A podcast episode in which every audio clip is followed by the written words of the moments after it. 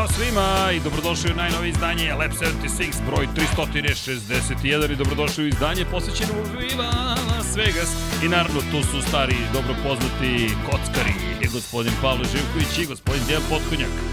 Ne znam gospodin kockari, ali kocka je bačena, ali akta jest, kao da smo u starom Rimu, nešto sam raspoložen, možda je zato Caesar's Palace prisutan u Las Vegasu potpuna tišina i sa leve i sa desne strane. Večeras je, ne, on će biti, na svojim kockanjima. Ne, večeras je dijalog uh, bez pa, komunikacije. Ne, ne pričamo o kocki vajda večeras, ne, a? Ne, ne, ne, šalimo se, pričamo, nisu to posle kockari. ponoći, posle to je ponoći. posle, to je pod čašicom kada dođe, ali veliki pozdrav svima pre svega, par stvari. Dakle, pre svega, mazite se i pazite se i vozite računa jedni u drugima i budite dobri i generalno radite neke lepe stvari, družite se, pogotovo sa ljubiteljima Formula 1, Moto Grand Prix-a, NFL-a, ne znam, svih lepih stvari, kosmičkih lansiranja, imaćemo i nešto da kažemo deki jednog dana i o tome, ali moram da iskoristim priliku par stvari da kažem. Ljudi, mi smo se, ako, ako se vas dvojice slažete, nismo, kao standardno dogovora nije bilo, publika, i da pozdravim publiku koja je prisutna u studiju, i da pozdravim Sadama Mehmedovića, novog člana svetioničara početnika, čovjeka koji je već donirao 20 eura. Uh, ne, Kakvi 20 eura? ne, Ko zna koliko je čovjek 2020 eura do sada. Sada me... Hvala.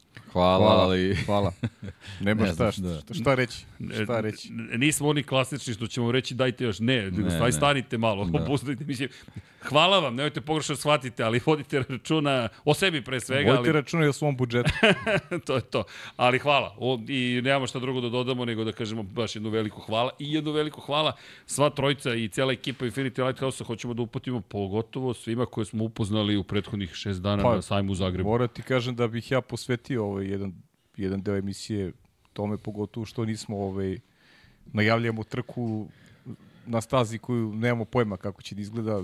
Mislim, možemo pričamo onako nekim nepoznatim stvarima uglavnom, ali ovo je nešto smo doživjeli je za svu trojicu, verujem, onako jedno predivno, predivno iskustvo i i ovaj i probudio sam se jutro sa onako najlepšim emocijama zaista. To je nešto što što se retko ovaj što retko čovjek može da doživi.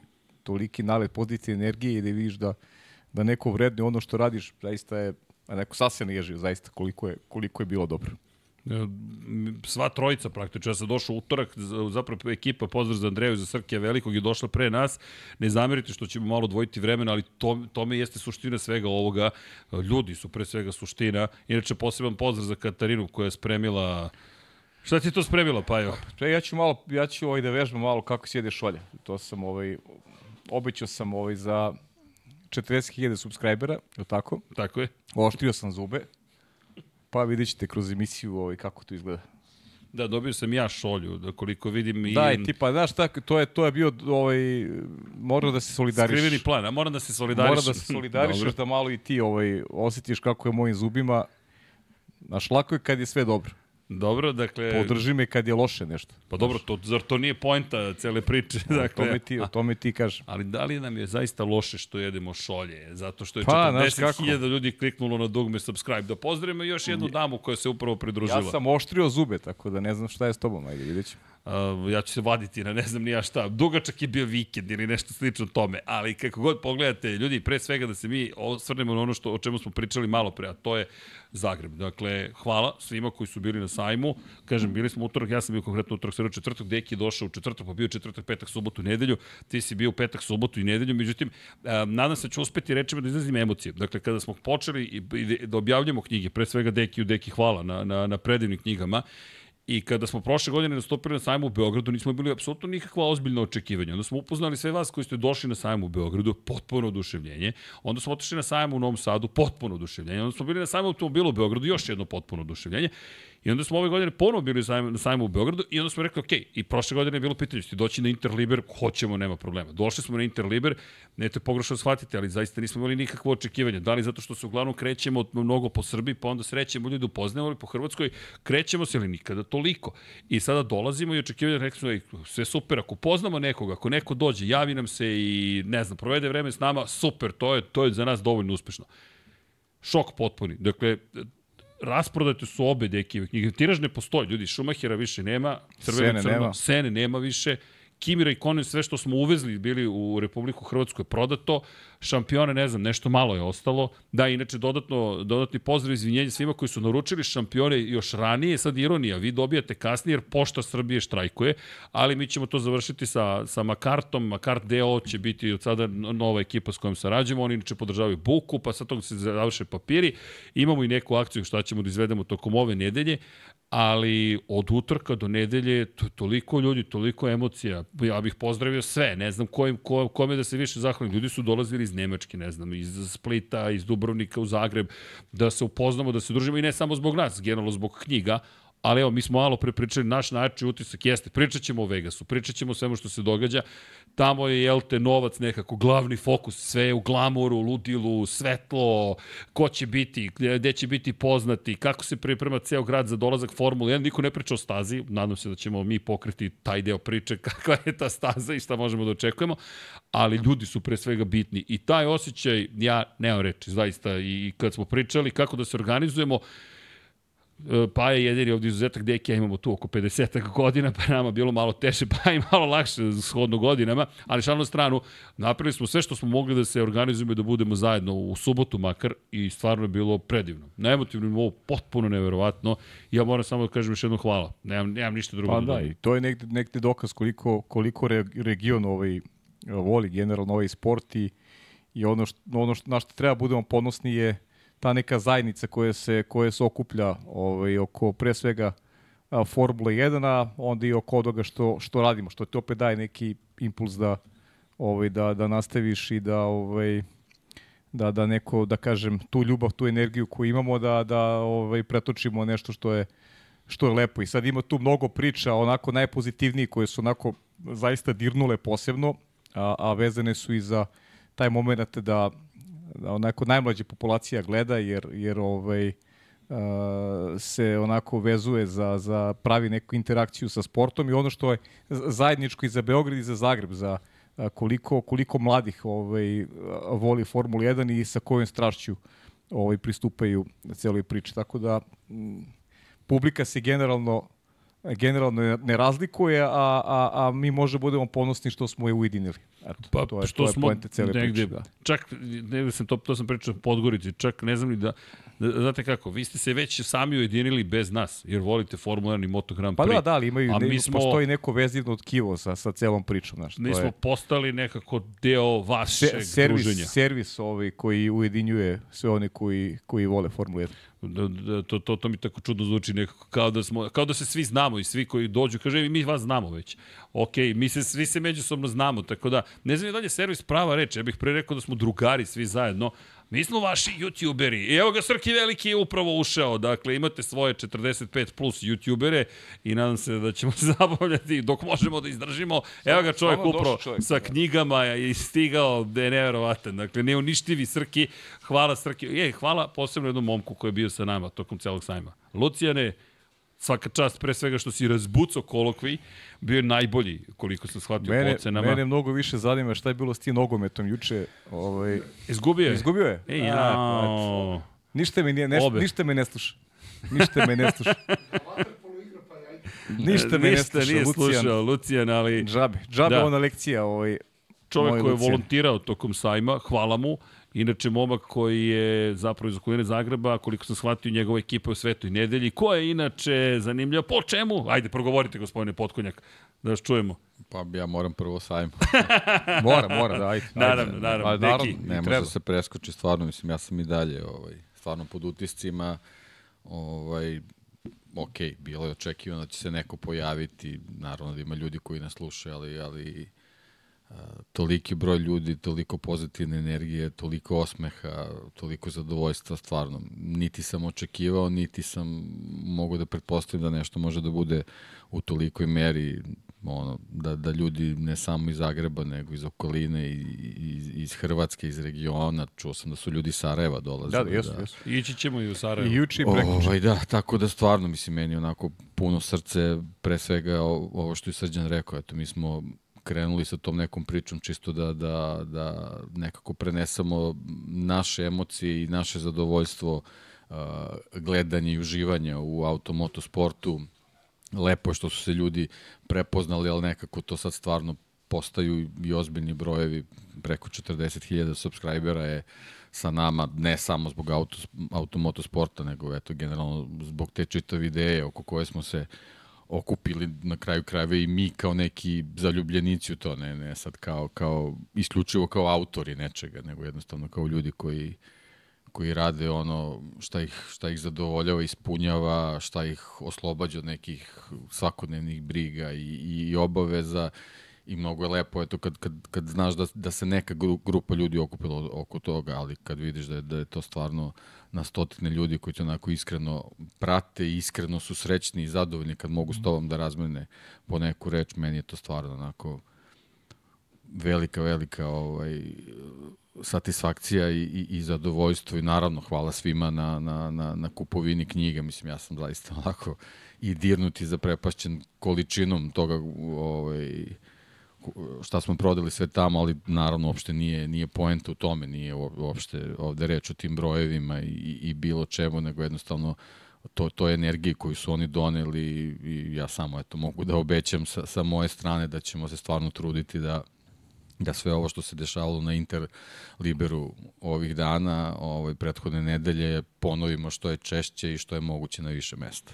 Pa da, ono što smo pričali i kažem krenulo od Beograda, pa nekako Novi Sad, pa sada Zagreb Pitalo je dosta ljudi za, za, za, za Pulu. U Puli mislim da nismo prošli program selekcije. Ne, ne, ne. E, koliko sam shvatio, nismo prosto pulski sam drugačiji. Ne možete samo se prijavite, morate proći određenu selekciju. Mi nismo prošli tu selekciju, tako da ne zamerite, ali ima da imamo poziv iz Pule da se pojavimo, ni manje ni više, ako sam ja dobro razumeo, da, za, u klubu zapravo u kojem su kud idioti. Tako da ko zna, možda nas i vidite s jednim pankers, pankerskim timom pa koji... Do, baš ču, ču, mislim, ide, ide, nam, ide nam ime. Nego, da sam ja rekao, podcast, idiotski podcast. da, da, bukvalno da, da će to biti naziv, ali ovaj, ako mi, to prođe kako možemo, treba... Mi, mi možemo uh, kut, Da. Brkovi su da se vole. Doći do Brko, doći Mi možemo, do kud, kud ste pošli idioti da se zove. ne, ne, ali to je bio neki poziv kao, pa ako ne prođete na sajmu imate kud idiote. Ok, fair enough, to je, to je valjda prikladno.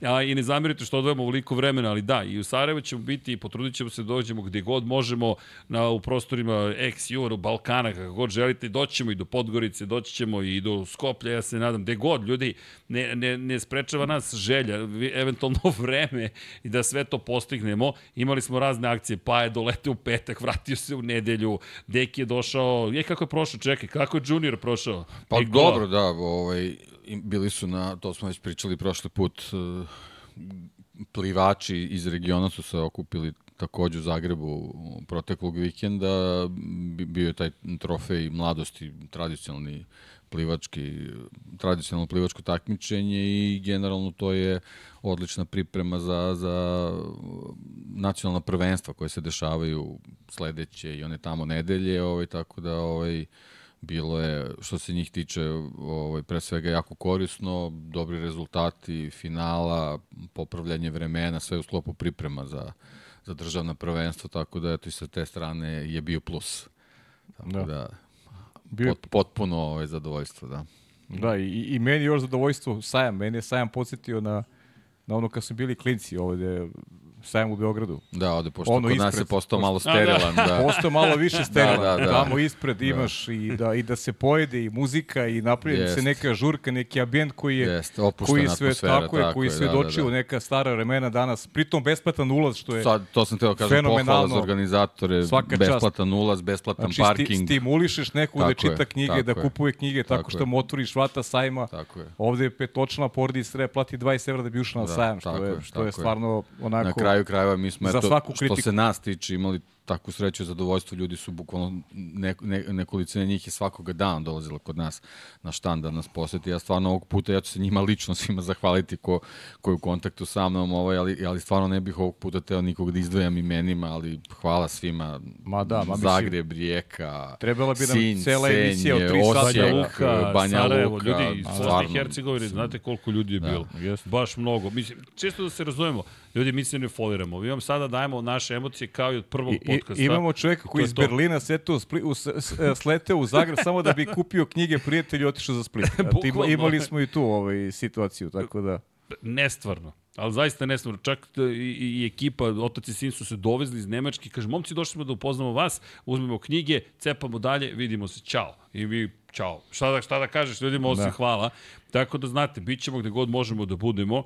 Ne zamerite što smo pod ovakvim utiskom, ali stvarno je ostavio nas utisak susret sa, sa tako velikim brojem ljudi koje nemamo priliku baš da sretnemo. Neko je rekao, pa znaš, u Beogradu vas neko i sretne, možda u Novom Sadu, Nišu, i to je istina.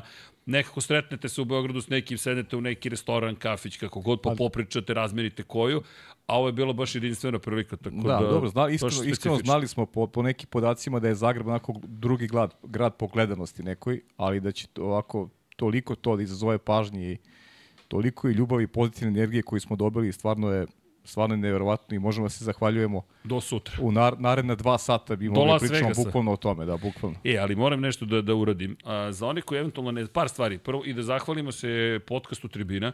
Toni Rušči, Toni i Ozranu Prpiću našem prvom Patreonu. E da, ko hoće da nas podrži. Sad znate opet gde smo trošili. Ozrane, da, pobedili da, smo. Pobedili smo, da. ako Liverpoolovci, ja ću da se pridružim. Čak sam da. ja shvatio ovo. A pozdravi Toni ako sluša. Toni je na kanarskim ostrima, otiše malo da odmara, tako da pozdravi za Tonija. Obećuje dolazak u, u Beograd prvom priliku. Pa ima je podcast sa mnom. Znaš, planirao je 45 minuta. Pa, da, zato je otišao se odmori. Otišao na duže. Produžio odmor još jedno 10 dana. Više da. dode do Dubrovnika, ali posle razgovora s Rđenom da. Kanarsko ostalo. minimum, minimum. lagana depresija, znaš. Ali još oni kažem, momci, vidi, maksimalno sat i po. Rekao, lagana 4 sata, u najavi ti je 4. Kao, ne, ne, ne. I na 2 i po, kao, znaš, sad moramo stvarno ne, ali, da skratimo. kao, znaš, sat i po da mu učine plezir, kao da, ga, da mu skrate da priču. Da, da mi ispoštuju. Da, I oni kao momci, pa čekajte. E, da, e, ljudi, ko ne prati, ispratite tribina podcast. da se mazi pazi. Naravno da jesam. Pa pričao sam, pričao sam zapravo neke stvari koje lakše, čak... Ne, lakše mi sad, možda E, kad si već to rekao, okej, okay. sad si mi dao šlagvort.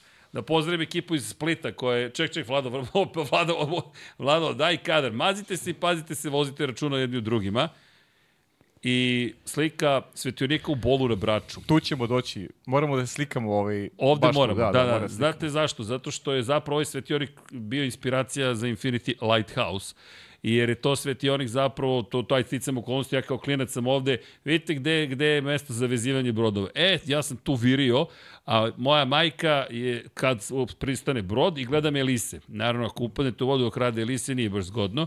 I moja mama, jel te, da ne bi uplašila svoje dete, ona samo priđe i kaže, ajmo sine dalje. A ja, mama, vidi kako rade Elise. Srki, Tako da, Srki je skoči, da, skoči pokida Elise. Pojao sam. Kao šolju što ću da pokidam, zubima pa Elise lično. Ali hoću se zahvalim ekipi koja je dojahara na motorima iz Splita i donela ovo i rekli su, platili smo i prava da možete da držite u studiju. Tako da hvala. Inače, to, to, to je znak to ćemo da uradimo. To ćemo da uradimo kao ovo moj, kako jedem šolju ovo. da, da, Infinity and Beyond takođe piše, to nismo mi rekli, ali okay, hvala im na citatu.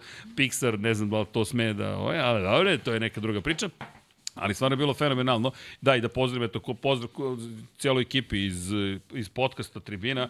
Pogledajte njihov YouTube kanal, pretplatite se, to je subscribeujte se, to možete da učiniti kod nas, ko nije. E da, i hvala za 40.000.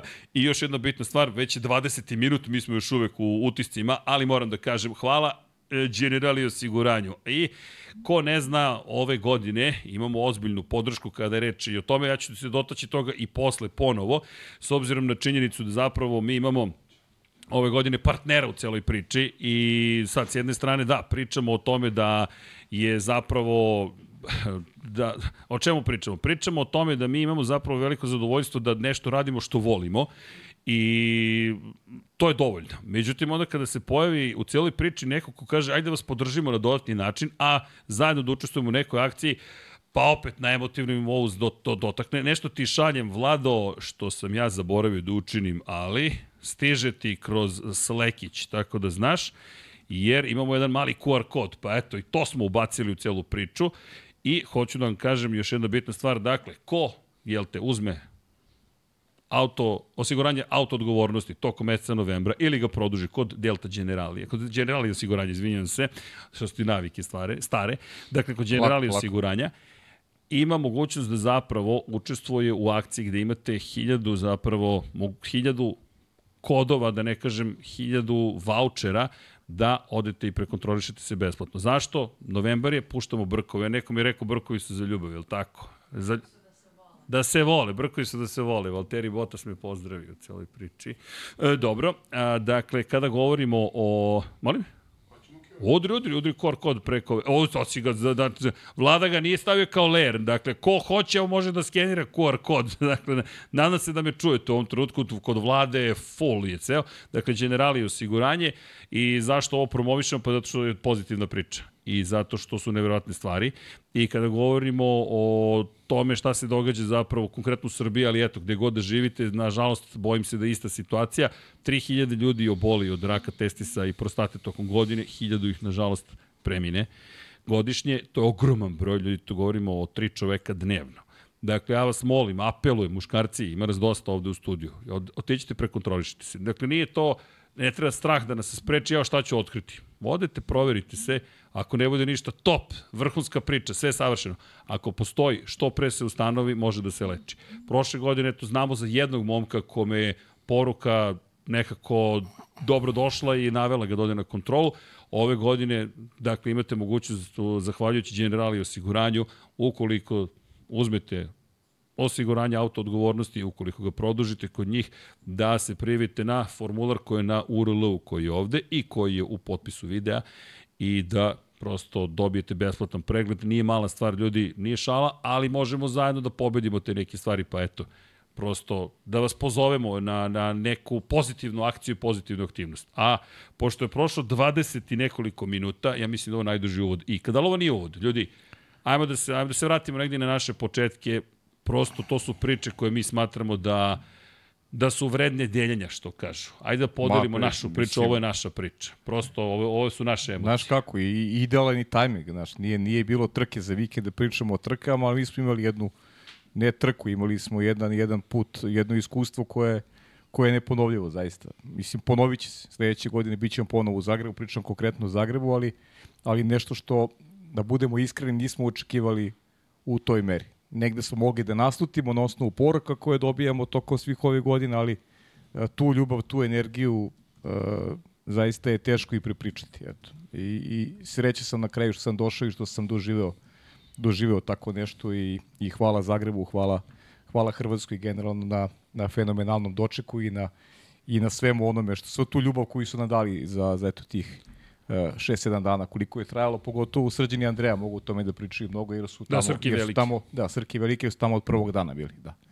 Tako da, stvarno, evo i sad kad se setim detalja, stvarno me onako jeza mi prođe ovaj, i, i, i nemam reči da se zahvalim ovaj, svim tim ljudima koji su bili i e, generalno i kompletno tom sajmu i ljudima koji su tak, takođe tamo izlagali, koji su, e, da. koji su prepoznali English tu neku books. dobru energiju, koji su ovaj, koji su bili divni zaista i, i onako pružajući pravo gosteprinstvo u svakom pogledu.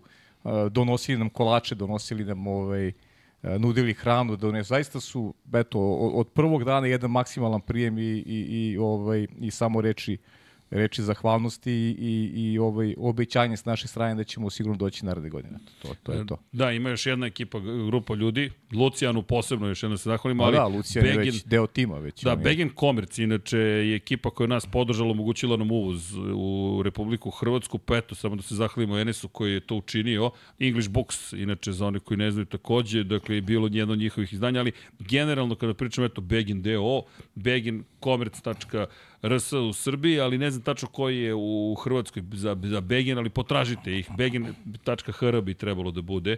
Dakle, samo da im se zahvalim još jednom, jer su nam oni pomogli, jer sve radimo legalno. Dakle, neko je predložio da radimo ne baš legalno, to smo odbili, ne hvala, zato što to ne bi bilo u duhu onoga što mi stalno pričamo, zatim ne bi bilo pristojno prema našim domaćinima, ni Vele sajmu Zagrebačkom, ni Republici Hrvatskoj, ni građanima te iste države i, i, i u situaciji gde vi kažete e, nećemo da vam platimo PDV, nego će mi malo to ovako, ne hvala, plaćamo ga u Srbiji, plaćamo ga u Hrvatskoj, platit ćemo ga u Bosni i Hercegovini, u Crnoj Gori, gde god da se pojemo. I u to ime bih se zaustavio samo na kratko. Imamo samo još jednu reklamnu poruku, jer nije reklama. Ljudi, ovo je bitno, Vlado, udri, nisam vežbao, ali hoću kažem, generali, testiraj se prostoje i testi se i prostatu. Dakle, to neka vam bude poruka, ljudi, uh, pozitive. A, ovde se dame smeju, mojim brkovima cenim. Hvala, nije, nije. hvala. A nije, dobio si, imaš, pa pogledaj poruku, malo Nisam prati. vidio poruku. Prati ovaj. Pa pričam. Pa... Kako? Nemam A, da. pojma, ali A. evo nešto sam novo naučio. Brkovi, punk band Brkovi, evo promovišemo, imaju pesmu koja se zove Brkovi su. Album se zove Brkovi su da se vole. a oni se zove Brkovi. A dakle, mi moramo da volimo njih. Da, ne, moraš da voliš brkove. Pa Brkove, pa to ti kažem. Dobro, ja volim Brkove od celog novembra, ali 1. decembra ih neće biti, odmah da znate. Ko paja što voli roze majice, odmah da vam kažem. ali ako će nekom da pomogne ova poruka, to. Ej, ljudi, pola sata za, za ove lepe priče, a onaj ko Pola, došao da pola sluša... sata za najlepše priče. Za najlepše odvojili, da. priče. A ko je, ko je, dakle ljudi, gde god da ste, dajte predloge gde ima sajmova, da dolazimo, da se družimo. Mi ćemo gledati i van sajmova da, da to uradimo. Evo baš pričamo, tri godine nekako postoji podcast ovako aktivno, nismo ni sanjali pola stvari koje se dešavaju, hvala na tome i potrudit ćemo se još nekako da se pojavljaju, mi imamo mi još ideja, ali ponekad, evo počet ću čak ja da ćutim o nekim idejama, jer sam shvatio da... Bilo bi poželjno, zaista. Da, da bi bilo poželjno. Hvala ti, Pajo. Hvala ti, Pavle. Pa, pošteno pričamo. Uvek, dakle, Dekiri ne, ne komentariše da je li igra Liverpool. Ne, Ne, ne, ne. Ponedeljak Prati je. malo, nema futbola sad. A gde da pratim Možda. Pajo? Možda prati neko boćanje, nešto, ne znam šta bi mogao danas da prati. Ali to je deki. Znam šta neki- prati. Znaš šta gleda? Lab 76. A, to, a? Priprema se za nedelju i za trku Formula 1. Priprema se za sutra. Malo prati, prati oko MotoGP-a šta je bilo. A u MotoGP jedva preživeh prenos, odmah da vam kažem, sutra ću da, da, da ispovedim dušu. Dakle, u jednom trenutku sam počeo da haluciniram. Ali dobro, bilo je sve okej, izdržalo se i vredelo je. U svakom slučaju, ajmo mi ljudi polako da počnemo da pevamo u duhu Elvisa Prislija. Viva Las Vegas, ako se slažete sa mnom. Mislim da je vreme da Pa, ajde, pokrenemo može, ajde, Vidite da vam se ne da, vi bi Da, biste pričali o bilo čemu drugom. Pa ja bi, da. da. Insistiram, zato što prvo treba da ispoštujemo sebe, publiku, treba da ispoštujemo organizaciju, kako god, da damo kritičko razmišljanje, viđenje. Razmišljam i da promenim naslov, e, zato što mi deluje kao da nije dovoljno pozitivan. Zašto pozitivan? Pa uvek krećemo s pozitivom. Iako možda to ne je najpozitivnije, možda na nekom nivou vrednosti, pa krećeš novac, glamur, Formula 1, ludilo i tako da mraz u, jel te, pustinji Nevade. Ljudi, bliži nam se kraj sezone. Dakle, nažalost, ovo će biti predposlednja trka u 2023. godini. Idemo polako ali sigurno ka trci broj 21. 22. će biti poslednja u Abu Dhabiju ukoliko je bude, ne znamo još uvek, za sada izgleda će biti. Dakle, Da, deluje da 90% šans, 95% šanse da će biti održana za koliko? Za 13 dana. Dakle, od danas za pet dana, ne zaboravite, za pet i po dana iz naše perspektive u nedelju ujutro na programu Velika nagrada Las Vegasa. I ovo će biti zapravo prva velika nagrada Las Vegasa, pošto su prethodne bile velike nagrade kazina Caesars Palace. Ni manje ni više. Ne Nevade, ne Sjedinjenih američkih država, ne Las Vegasa, nego kazina Caesars Palace i na njegovom parkingu su se održavale. Međutim, mi posle 40 skoro godina dolazimo, zapravo jel, čet, i više od 40, 41. 82. Da. 82. je poslednja održana, mi dolazimo u Las Vegas, ali ovoga puta na potpuno drugačiji način. Ima mnogo toga da se kaže o samom uvodu. Ja ću pre nego što samo nastavimo reći onaj takmičarski moment, možda par najvažnijih. Max Verstappen juri povećanje svog rekorda od broja pobjeda u jednoj sezoni. Trenutno ih ima 17 u 20 trka. Juri 18. pobjedu, može da dođe do 19. Juri 53. pobjedu u karijeri, čime bi se izjednačio sa Sebastianom Vettelom na spisku najuspešnijih vozača svih vremena. Posle Sebastijana ostaju još samo veliki Mihael Schumacher sa 91 pobedom i Lewis Hamilton veliki sa 103 pobede. Neverovatno gde je već stigao Max Verstappen treća titula uveliko osvojena i naravno bitka za poziciju vice šampiona takozvano Sergio Perez, njegov klubski kolega protiv de facto Luisa Hamiltona, dve trke do kraja, pa da vidimo.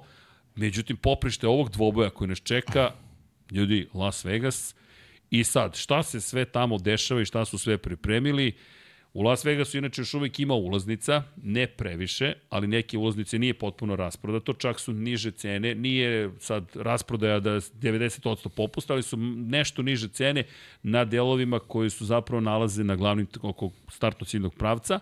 Ne one najskuplje, ima određenih, dakle oko 1000 dolara je cena, gde još uvek mogu da se kupe, još uvek ima i mesta u hotelima, ali to nije ni čudo, Las Vegas je napravljen da ima veliki broj soba, možete da, da ocenete od 100 dolara po noći do 500, do 1000, 15.000, 100.000 dolara po noći koliko želite. Međutim, šta se to nama sprema i zašto se toliko bavimo novcem? Ljudi, ovo je napravljeno pre svega kao jedan veliki marketički projekat, noćna trka, pričat ćemo o tom mrazu, evo jutro sam gledao podatke, pogledat ću ih i sada još jednom, koliko vidim, temperatura se zaista očekuje da će biti oko 5 stepeni Celzijusa i gledano takmičarski, ja nemam pojma kako oni planiraju to da reše, pošto je to na nivou nemoguće misije. Ti jednostavno imaš situaciju koja će dovesti do toga da imaš možda i najhladniji Grand Prix ikada održan. U ovom momentu da vidimo šta kaže Las Vegas, 4 stepena se očekuje, 8 stepeni, sad zavisi, varira od momenta do momenta, međutim, noć deluje da će biti prilično hladna. E sad, vidjet ćemo da li ćemo imati sreće ili ne, pustinja je, pa sad da li će doći neki topao talas ili ne, ne znamo do petka, subote, četvrtka, petka, subote, inače u sredu po lokalnom vremenu kreće aktivnosti, u pola noći, u 5.30 će biti treninzi 1 i 3 održani, kvalifikacije će biti na programu od ponoći po lokalnom vremenu, dakle to će biti 9 časova izjutra po centralno-evropskom vremenu, trka će biti od 7.00 na programu, pa eto, čisto da znate šta vas čeka ovoga vikenda. Deki, možemo da idemo. Da, to je to. Najavio To je to. si sve. Sve si Ispričao sve si ispričao. Šta mi sad treba da kažemo? Da pređemo na šolj. pos- Da pređemo na šolj. Posle ovog tvog uvoda sve si rekao i možemo Deki ja, možda idemo kući. Pa nije, ne, ne, ne, nije, nije. Pa da, pa mislim, šta reći, stvarno specifičnost cele priče se upravo ogleda u tome, u, u tim vremenskim prilikama i kako će se tu gume ponašati, šta, šta će tu biti generalno, to je, to je enigma, enigma za sve nas, kako to možda izgleda u, praksi i, i ovaj, baš me zanima, zanima me te prvi treninzi. Dobit ćemo prave odgovore na tim prvim treninzima, da vidimo, da vidimo da li će zaista biti tako niske temperature, a, a mene baš zanima gume. Kako gume u toj priči mogu da funkcionišu, njihova temperatura, da način na koji na koji će imati ovaj, ti momci šansu da, da, da, da ovaj, naprave ono što se zove sportski užitak. Pa dobro, para, vidi, to, para je, neće to je Formula manjkati, 1, moraju Bravo, da, i to je Formula 1, i to je moraju tačno. da, da, da ovaj, prikažu s kakvim tehnologijama raspolažu, s kakvim iskustvom raspolažu, šolja, sa, kakvom, sa kakvim talentom da, Vlado, ovaj, Vlado, daj vamo, Vlado. da ovaj, nešto, nešto urade na, Previše su ozbiljni. na takvoj stazi. Deki, ja mislim da, ali čekaj, čekaj, da se vratimo na tvoju rečenicu, pošto otišlo na šolju malo, ali već si počeo da jedeš.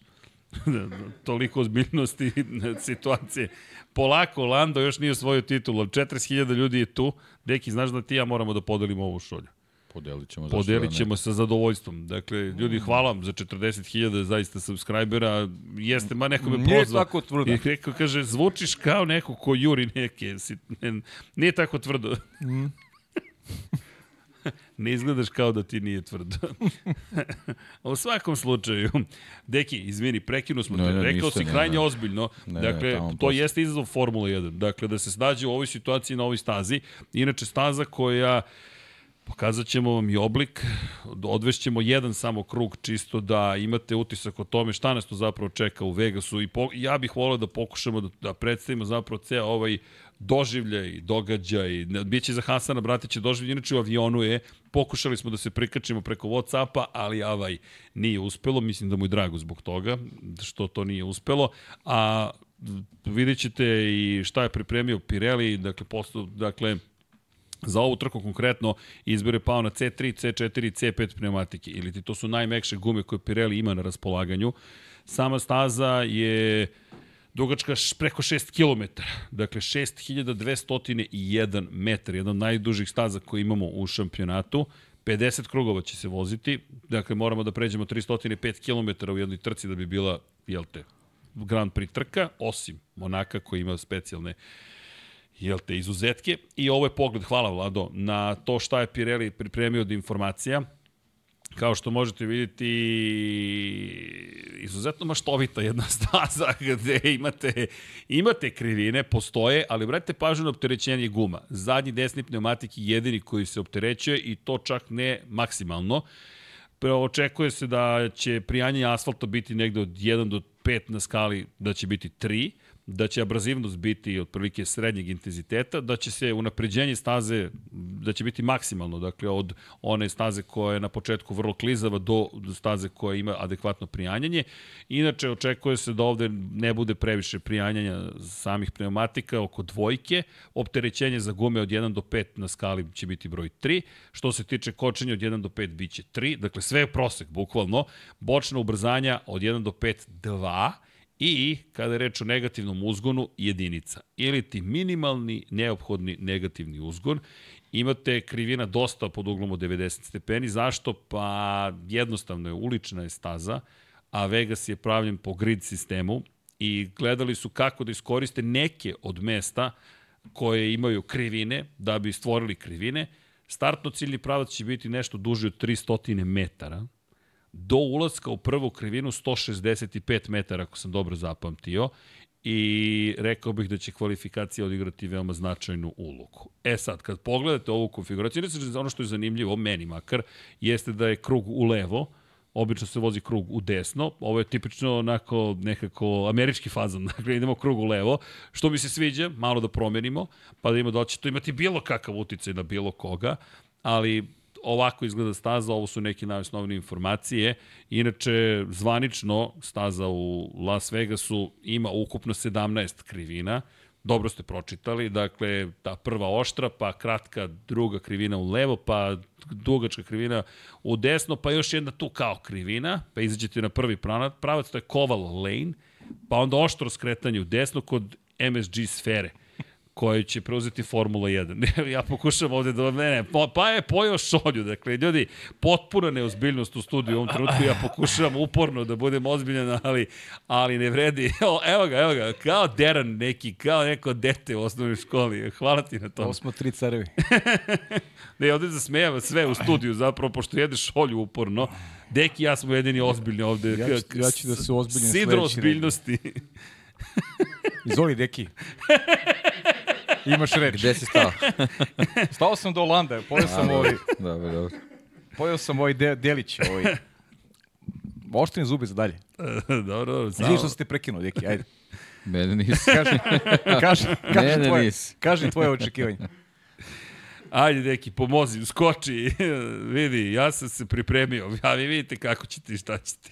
Pa nema šta, mislim, konfiguracija je takva kakva je i onako, grubo ocena da je prilično jednostavna, ovaj, a to, to može da, da predstavi veliki problem upravo zbog toga što imamo te najave sa tim vremenskim prilikama, u stvari nisu to nikakve vremenske prilike, nego jednostavno to je, to je potpuno prirodna situacija, ovaj, očigledno u pustinji, posebno u nekom određenom vremenskom periodu gde, gde preko dana imaš neku razumno visoku temperaturu, onda preko noći ona drastično padne, možda neko nije baš vodio računa o tome, a posebno nije vodio računa kad se pravila ta konfiguracija staze gde, im, gde, gde postoje neki delovi koji se voze onako velikim, velikim maksimalnim brzinama sa, sa, sa malom sil, silom prijanjanja, što se vidi iz ove, iz ove analize, tako da ovaj, verovatno će biti dosta problema ovaj, kako da se e, gume dovedu na, na tu optimalnu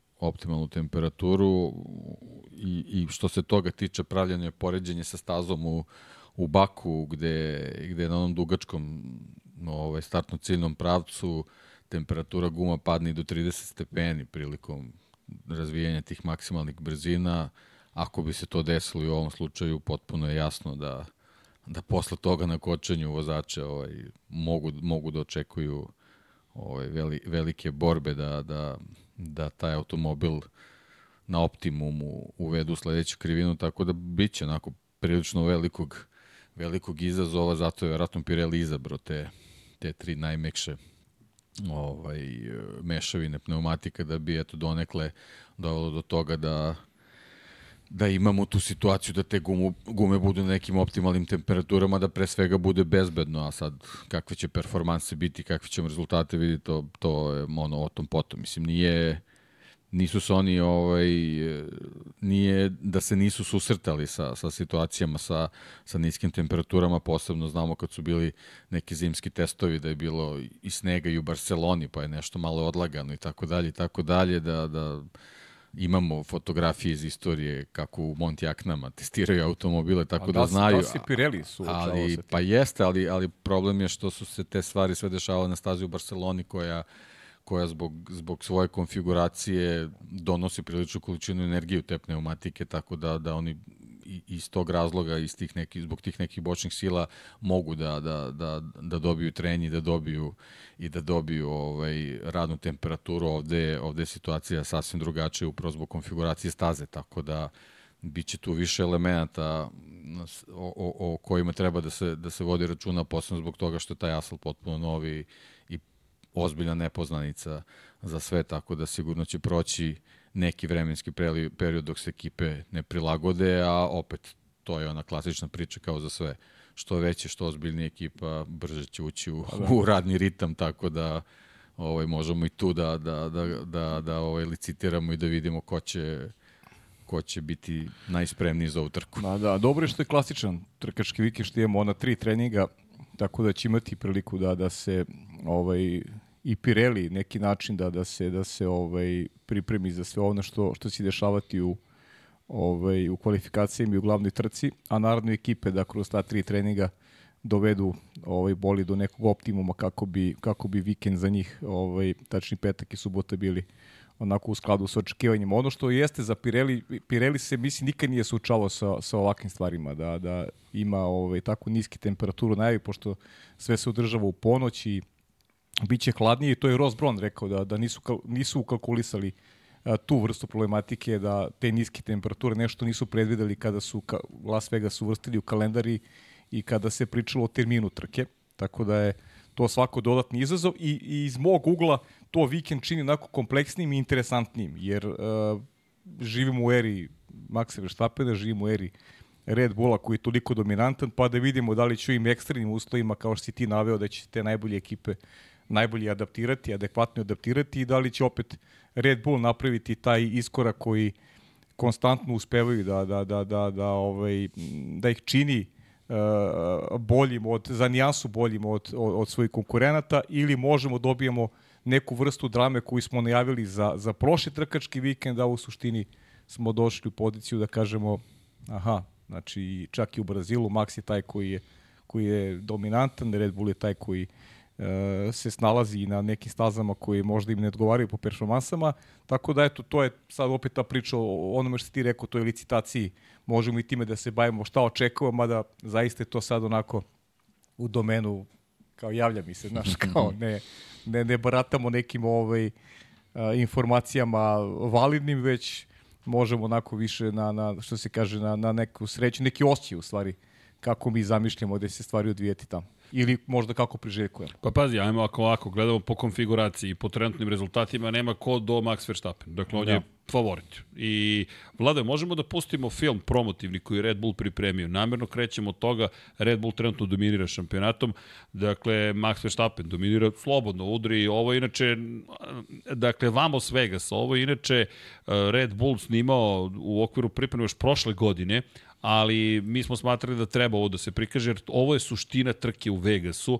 Oni su okačili bukvalno na krov. Imam osjećaj kada smo u Mamurluku filmu, gde ti krevet, eno ga gore na krovu, gde ti bolid, eno ga gore na krovu, Ovde gledate Serhija Pereza koji je bukvalno vozio bolid RB sedmicu, koji ste mogli inače da vidite na ulicama Beograda prošle godine.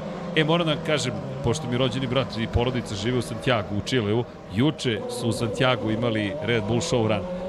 I Deki ja smo konstatovali isto, zašto me nisu zvali. Znaš, kao, čekaj, ne razumem, kao, zna se ko vodi program. Ali šalno na stranu, ovo je Vegas. Dakle, kao što možete vidjeti, ubačen je bolid u bukvalno izvočenje na, na, na, na ulicu. Znači znamo ko već ima podatke za noćnu Ko već ima podatke, tako je. Okay. Treba ga zvati. Bravo, Deki. Treba ga zvati u podcast. Dakle, da, inače ovo su Pirelijeve gume koje su koristili, tako Koji da... je ovo period godine? Ovo je novembar prošle godine. Aha, okej. Okay.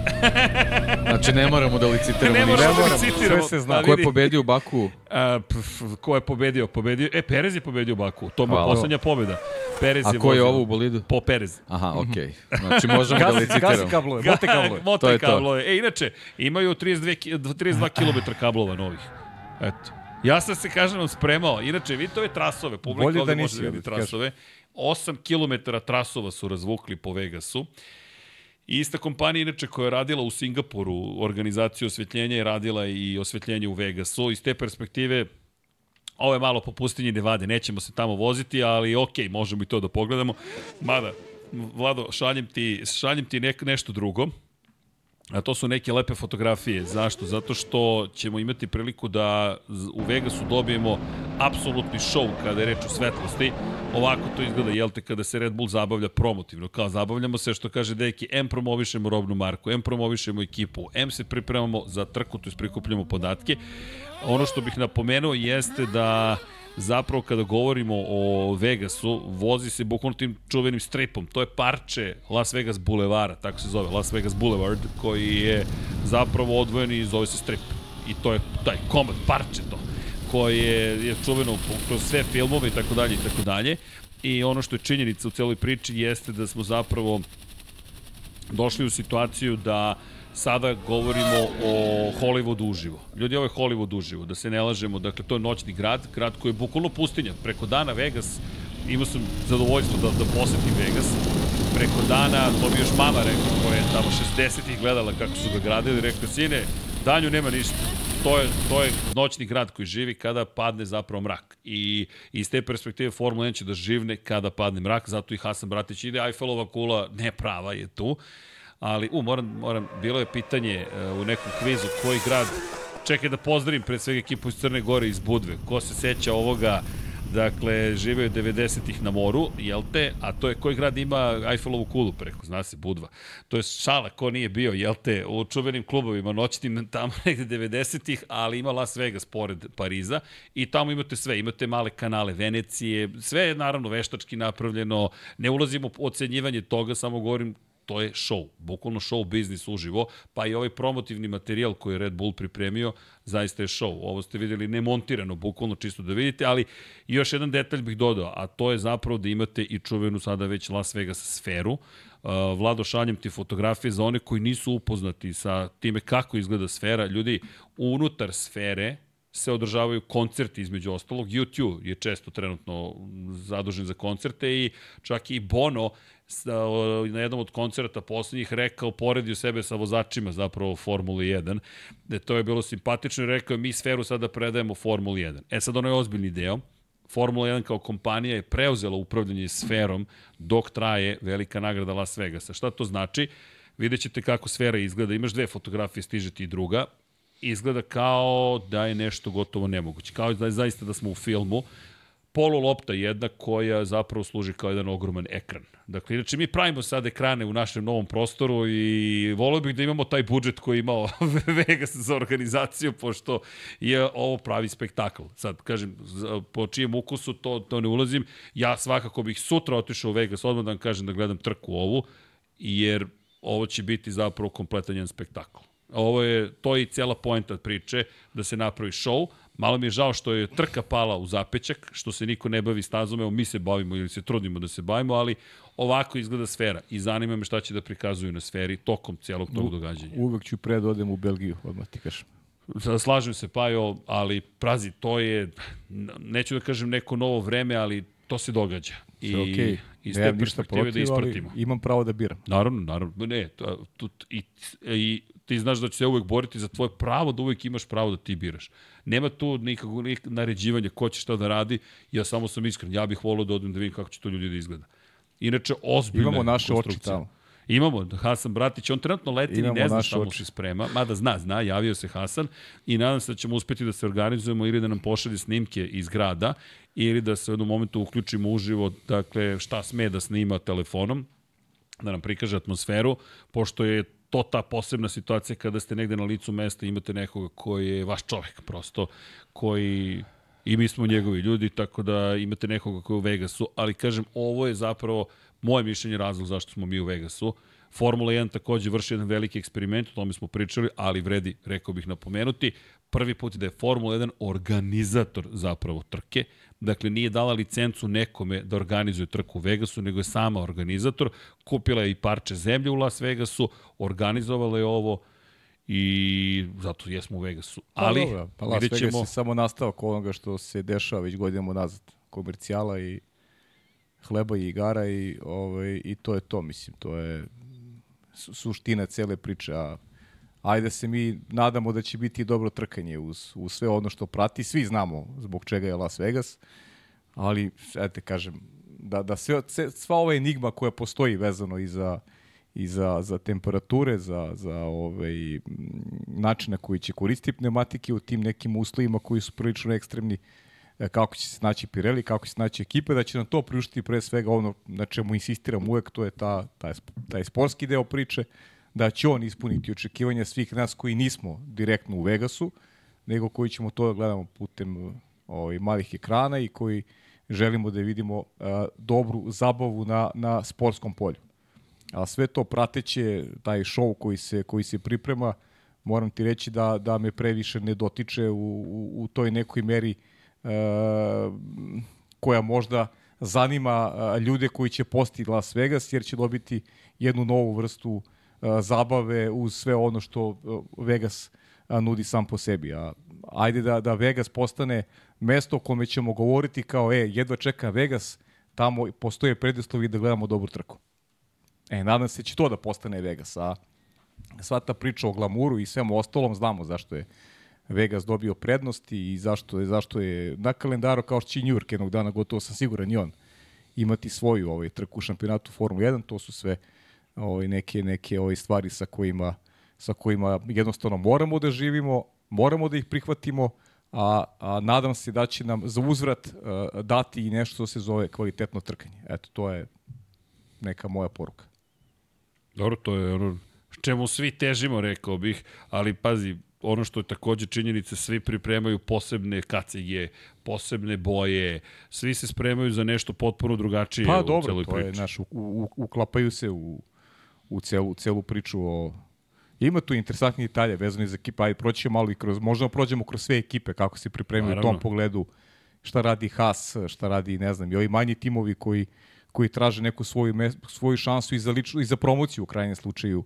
Ovaj, uh, Haas, Haasu je to opet jedna domaća trka i prilika da i oni ovaj, možda naprave neki, neki iskorak, neki poen više. To sam, ono što sam zapazio, to su drugačije specifikacije koje će imati do kraja godine Magnussen i, i, i Niko Hulkenberg, Niko koji će voditi na staroj specifikaciji bolida, Niko, uh, Kevin Magnussen na novoj, uh, Ginter Steiner je rekao da prosto uh, Hulkenbergu odgovara ta stara specifikacija i da, da, da je to jedini razlog zbog, zbog kojeg su odlučili da uh, vozačima omoguće uh, da se takmiče u bolidu koji njima lično odgovara. Pa eto da vidimo da li će Niko zaista na toj staroj specifikaciji možda napraviti rezultat koji bi Haas mogao da onako uključi neku bitku za tu poziciju 9 u krajnjem slučaju sa Alfa Romeo, Alfa koji ima samo 4 pojene više od Hasa.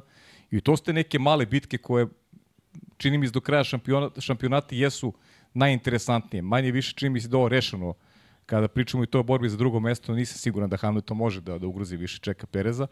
Ali te bitke za, za, za to sedmo, osmo, deveto, deseto mesto i za, za taj neki dodatni novac koji bi te ekipe mogle da dobiju, čini mi se da, da, da, su, da su nekako i najinteresantniji sad u celoj priči. Meni makar. Deki?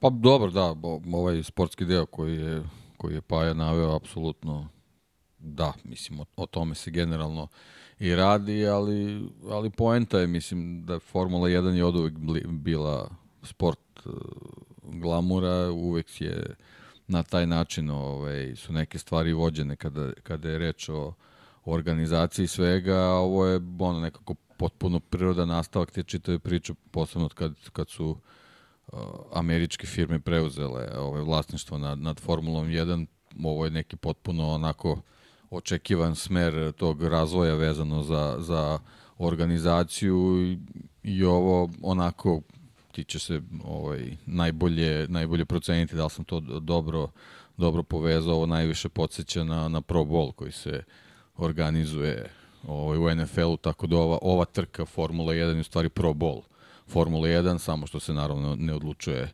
uh, šampion ove godine, možda će u nekoj budućnosti biti prilike da se, da se baš u, u Las Vegasu ovaj, odlučuje titula svetskog šampiona. Moguće, bravo.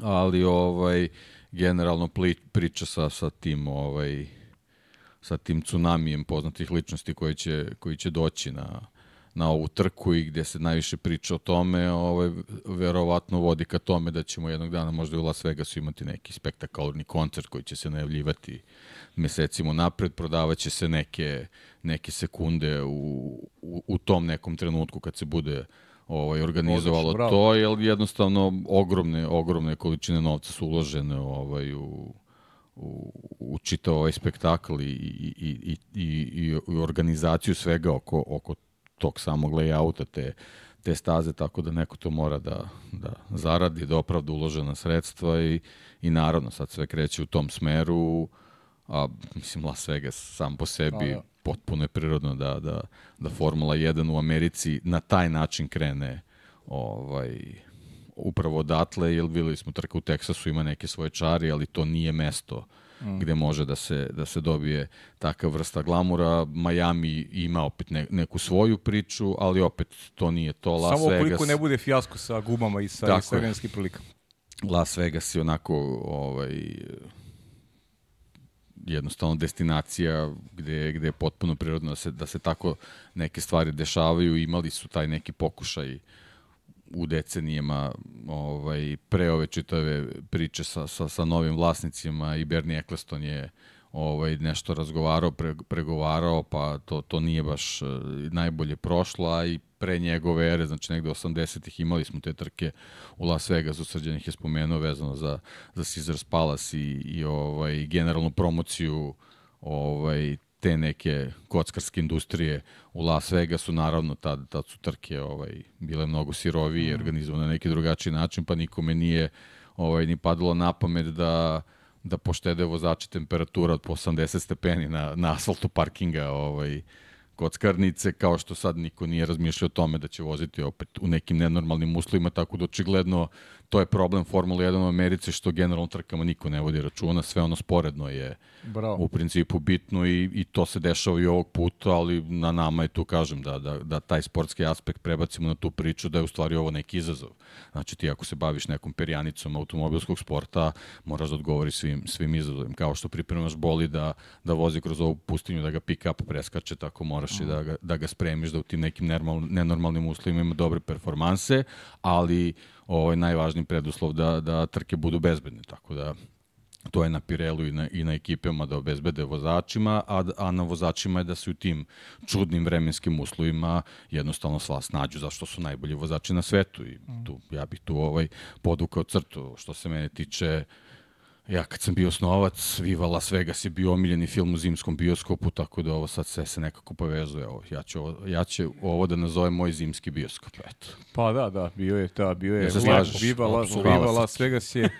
Ali znaš kako? Trčao sam iz škole, plašim? uvek je bio neki nezgodan termin, bukvalno mi je bilo 15 minuta od završetka časa do, časa do početka filma, ja sam stalno morao da trčim i uvek sam znojao gledao ono, Jel ga ono, gledaš onaj i danas? početak filma. Ja bih ga Uvek pogledao gledam, radi uvek, nas. taj film uvek, uvek. Jeste, jeste. A slušaj, da nešto Posebno sa, sa ono, ono numeru San Margaret, Da, obavezno. sad Svaki si, dan sad si me da malo postakao na, na, na razmišljenje i nešto smo pričali u Zagrebu vezano za, naš, u kom pravcu ide generalno naš Formula 1 i, i trkanje sad, pošto su, pošto u Americi se dešavaju te glavne stvari. Uh, setio sam se ovaj, uh, jednog intervjua Kevina Harvika, sad se vraćam opet na američki teren i na NASCAR. Uh, njegovo objašnjenje e, koliko se NASCAR promenio, tačnije odnosi unutar, unutar sporta od momenta kad je on došao u NASCAR i vremenom kako se, kako se cela priča razvijela, da, da kad je došao u NASCAR da su se svi ovaj, u padoku gledali ispod oka. I da nije bilo, bukvalno niko ni sa kim nije razgovarao. I da su svi bili fokusirani samo kako da pobedi jedni drugi na stasi.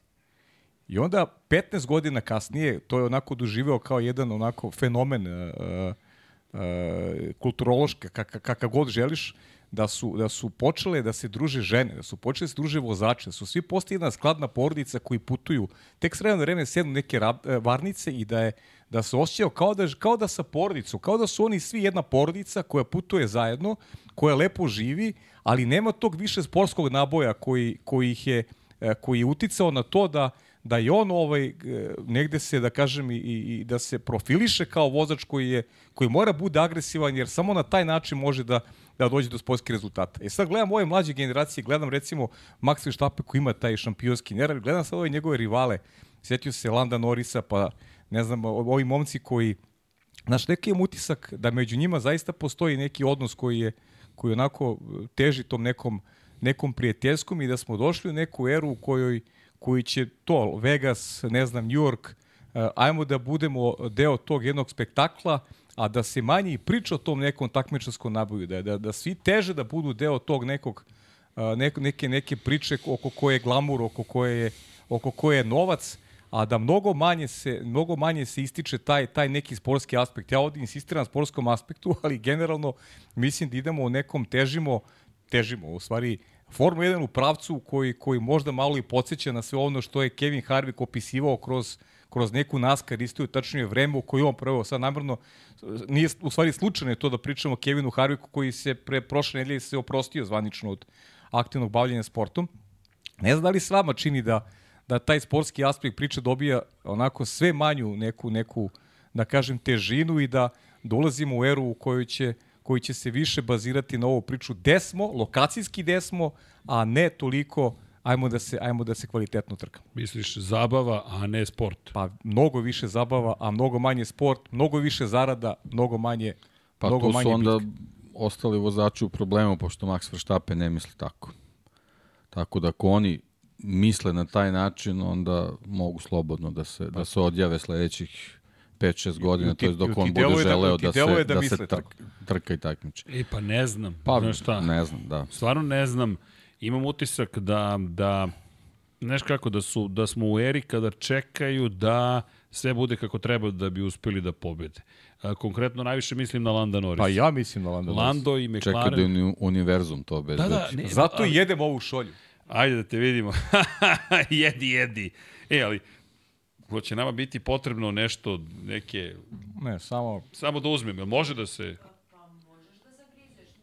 Ali jel mogu da je podignem? Ne. Ne, zato ti kažem, mislim da će biti... Pravi, pa, pa šta je moja? Pravljena je za show, a moja je, a moja je fake. Torta, torta, ali dobro, ali kako ćemo? E, ali čekaj, čekaj, čekaj, pre nego što mi pobegnu misli. Deki, car si kao i uvijek, otvorio se jednu mnogo bitnu temu. Ljudi, mogu da vas pitam nešto, koliko pratite NFL? Znam da Deki prati. Pa Ja evo, ne pratim ti uopšte. Još uvijek ne pratiš? Ne. Dobro. neću ni da pratim, evo, Mogu da te pitam nešto. pitaj me. Da li znaš koji Super Bowl stiže fe- 11. februara 2024. Naravno da ne znam. Broj 58. Dobro. Šta misliš gde će da se održi? Pa kad me tako pitaš, verovatno je Las Vegas, a? U Las Vegasu. Čisto da Pa znate. zato je on povezao, zato što prati. E, pa ne, pa, zato što ste vas dvojica, niste kockari, povlačim to, nego ste pametni ljudi. Dakle, i samim tim niste kockari. Ali, ne zamerite kockari, ali ako ste kontrolisani, to onda super, ali vodite računa o tim stvarima.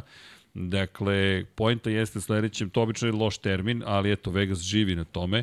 U svakom slučaju nije mi cilj bio da, da kažem, nego više kao šala, bacili smo kocku pa se igramo i tako dalje. Ali Deki je otvorio mnogo bitnu temu. Pa ima, ima baš mnogo razloga. Voleo bih to da iskoristim i da se dotaknemo ključne teme, novac u rukama.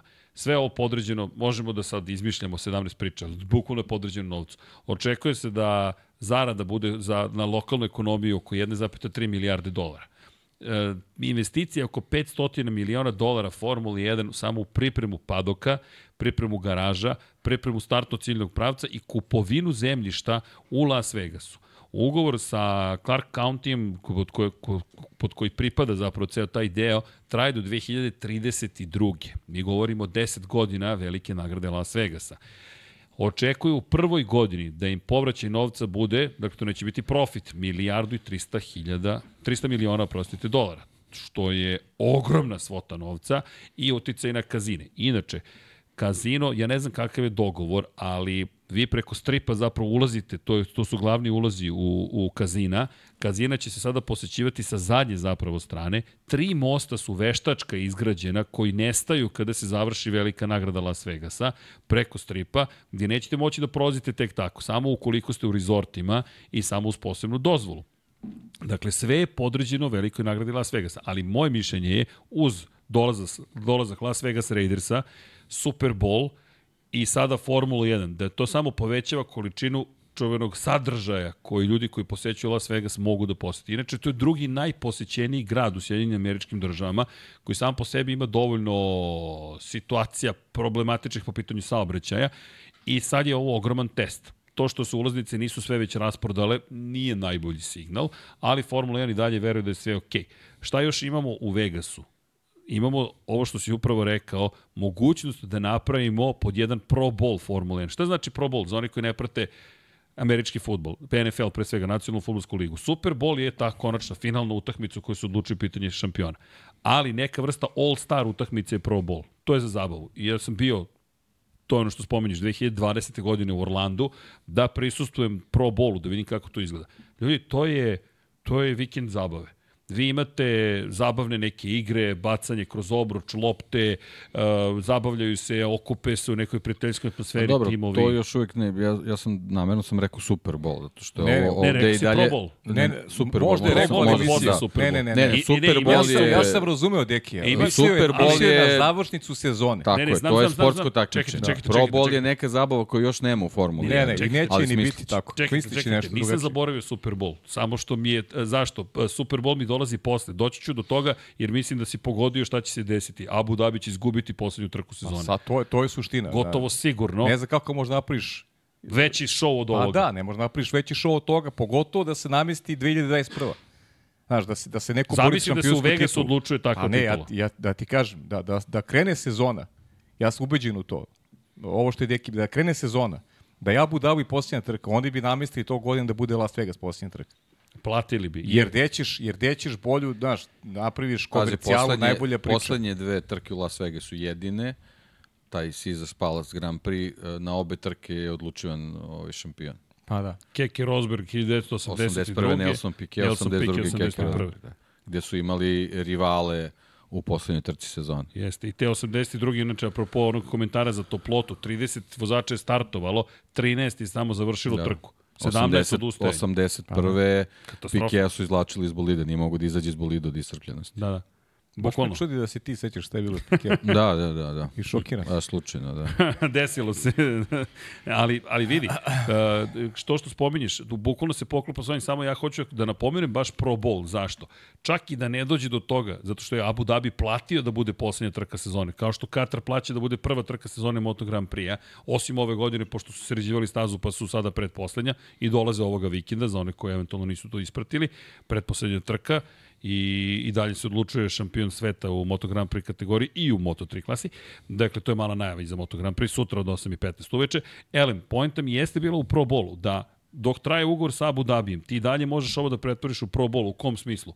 Takmičarski gledano, ukoliko bude otvorena sezona, ok, to je onda uvertirao u Super Bowl, to jest u završnu trku sezone. Ali ako nije, kao što ove godine nije, ti manje više sad imaš festival zapravo u Formule. Koji su ulozi sada, osim ovih bitaka za niže pozicije? Ulog glavni je već završen. Max Verstappen je šampion sveta, Red Bull Racing je To je šampion sveta. povećanje rekorda iz njegove pozicije i ta bitka sa manje uloge za, za, do, za To je to. dodatni novac. Ali bit će novca svako. E, Ali opet se sad nadovezuje ta moja priča vezano za taj sportski motiv i, i evo, sami penzioner podsjeća, ovaj, znaš, ti imaš vozače koji idu zajedno na, moru, na more, a treba da budu šampioni.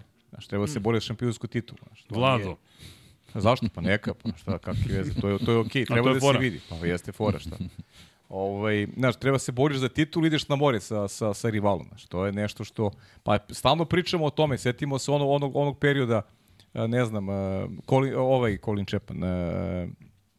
mm, uvijek zaborim ovog šampiona iz, iz vremena Petera Collinsa, nije ni vid. Uh, Juan Manuel Fangio. ne, ne, ne, Ne. prvi Britanac šampion. Prvi Britanac, um, sad kad mi tako kažeš, odmah me tiltuješ, a svi znamo. Uh, Šta je mozak? Michael? Hawthorne. Tako Michael je, Hawthorne. Mike pa, U tada su tražili od, od Ferrari da otpusti jednog od njih dvojice zašto su bili prijatelji.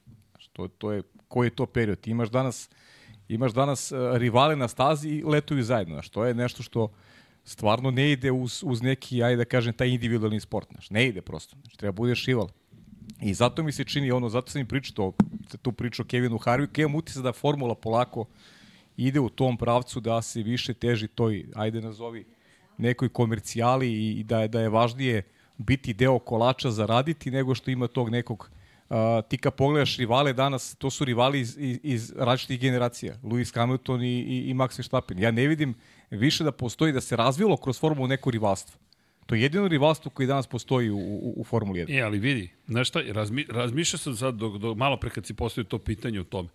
I često o tome pričamo, ali znaš šta, gde mi je problem? Ja ne mislim da se neće razviti rivalstvo. Mislim da će se rivalstvo razviti. Kada dođe do toga da se bore za isti uloga, to je titula šampiona sveta. Gde leži problem? To je moje mišljenje. Zašto se, zašto trenutno se nije razvilo razvilo i ne razvije se? Zato što očigledno nisu u isti ulozi ili makar veruju timovi da nisu u isti ulozi ili ne mogu da se domognu tih istih uloga. Ali moje mišljenje je zašto će te redko pobeđivati Maxa Verstappen, to si se deki ti dotakao. Max Verstappen je uvek bio super agresivan i govorio, ja se stalno vraćam na te trke u Velikoj Britaniji 2020. Kada znaš da će Mercedes da pobedi, kada svi znamo šta će da se desi i Max koji govori svojoj ekipi, pa dobro ljudi, ali ako mi se ne trudimo, ako mi ne probamo, što se uopšte takmičimo? Ja to nisam još čuo da, da neko govori, McLaren gura ka tome, ali da znam kritikovat će me, pa zna li Lando nema ovo, Lando nema ono. Ne, nije imao ni Max. Point je da zauzmeš određeni stav. Tako je. I da taj stav mora da bude zvezda vodilja cijeloj ekipi. Da, to podrazumeva agresivnost. Da, ne želimo preteranu agresivnost. Niko ne želi da oni van staze budu agresivni jedan prema drugome. Ali vrlo je teško ako se borite za isto, da kažete, pa dobro, znate, sve je super, sve, e, daleko od toga da ne želimo da budu drugari. Da, želimo, sve to super. Evo, Jorge Lorenzo i Valentino Rossi su sad super drugari. Tako, za na završili karijere. Završili su karijere, jer to nije lično, to je sportski. Ja želim da te pobedim na terenu. Kako da te pobedim, pogotovo Max, koji te neće štedeti. Čekaj, Max je gurao Okona kada, mu, kada, kada su se slupali u Brazilu. Max je bio taj koji je bio spreman da kaže svašta pa, George Russell u Baku ove sezone. Dao, dao si pravi primer. Esteban Okon. Pa njega niko od njih ne voli. Zašto? Pa zato što ih ne, ne da im na stazi, zato što se on bori protiv njih. Da, ali kad ga sretnu na stazi, kako to, reaguju? On to doživljava kao, kao znaš, on je agresivan u, u, u meri u kojoj može da bude sa bolidom koji ima.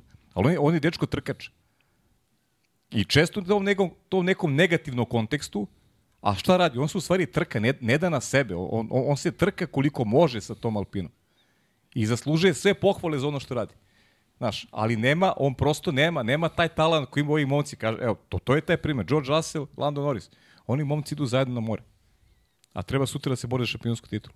To je nešto što Ajde, to ćemo baš da ispratimo, baš... da vidimo kako će to da se završi i kako će ne to sve da izgleda. Ne baš pod ruku. Uh, inače, samo da, da napomenemo, kada smo već se doticali Superbola, Probola i tih stvari, bukvalno očekuje da će duplirati uticaj Superbola Formula 1 svojim prisustvom novi posetioci, novi ljudi, nove informacije, vidi šta još možeš da vidiš i uradiš u Las Vegasu. Ovo je kao i za sve druge organizatore, kao Baku koji je sebe reklamirao i koji je izračunao da mu je bolje da 250 miliona dolara uloži u određenom vremenskom periodu u dovođenje Formula 1 u Baku, nego da plati reklame po globalnim televizijskim mrežama. Jednostavno jeftinije, ti ćeš dobiti mnogo veće kroz izveštavanje o Baku, kroz fotografije, kroz priču o Baku. Isto tako radi Las Vegas, koji inače je već toliko poznat koliko je poznat. I onda pride sve ovo nakon. Ovo meni deluje, šta se meni dopada i ne zamerite, ali Meni se dopada ta preteranost, jer to je klasična preteranost. Ne, ne dopada mi se da izgubimo trkanje, ali iskreno kao eksperiment hoću da vidim kako će ovo da izgleda. Bukvalno hoću da vidim ti u gradu koji je inače osvetljen koliko ali osvetljen. Ali neće sređeno biti, eksper... ovo neće biti eksperiment. Misliš da će ovo biti zagarantovan uspeh naravno, i to je to? A ne, ne, bit će uspeh, nego ti kaže neće biti eksperiment, čak i ako bude bilo loše, to će, sled, to će, da, to će da živi. Znaš, to će da živi, uspeh će imati sigurno u tom finansijskom smislu. Ne znam da li će biti dobro u, sportskom smislu. U finansijskom, to će sigurno biti dobro. 900 miliona očekuje od potrošnjih gledalaca. Samim tim, to će da traje. I to će da traje i to će da traje. Jer je popuno nebitno da li će trka biti fijasko ili ne. Ne vidi. Ona će doneti profit. Ali ako se desi da je finansijski fijasko, to je da vremenom počne da ne donosi A čekaj, šta je, šta je fijasko na stazi? Na stazi. Šta će biti fijasko? To je dobro pitanje. Šta pa, smatramo fijaskom? Pa, pa da fijasko, bude... Fijasko je da imaš Nezanimljiva trka. Ne znam, da, imaš 14 odustajanja recimo u trci, da imaš, ne znam, da imaš, to ne verujem, da imaš dosadnu trku, da imaš, ne, ne dobro znam, pitanje, znaš, šta znači, meni, meni je u, u, u modernoj eri Formula 1 jedini fijasko DRS vozići. To mi je jedini fijasko trke, sve ostalo mi je... Trkanje. Trkanje. Okej. Okay. Ok, ima smisla. Deki, Dobro. Vidjet ćemo kako će biti kako, trk. Kako, kako, kako se izboriti sa DRS vozićem u trenutku kad dođe, na primjer, zamena pneumatika, koja može da bude nekontrolisano ovaj, agresivna taktika zbog te potrošnje guma. A primjer da ima kako će to da se reši. Znaš, kako? Da... Znaš šta je fijasko?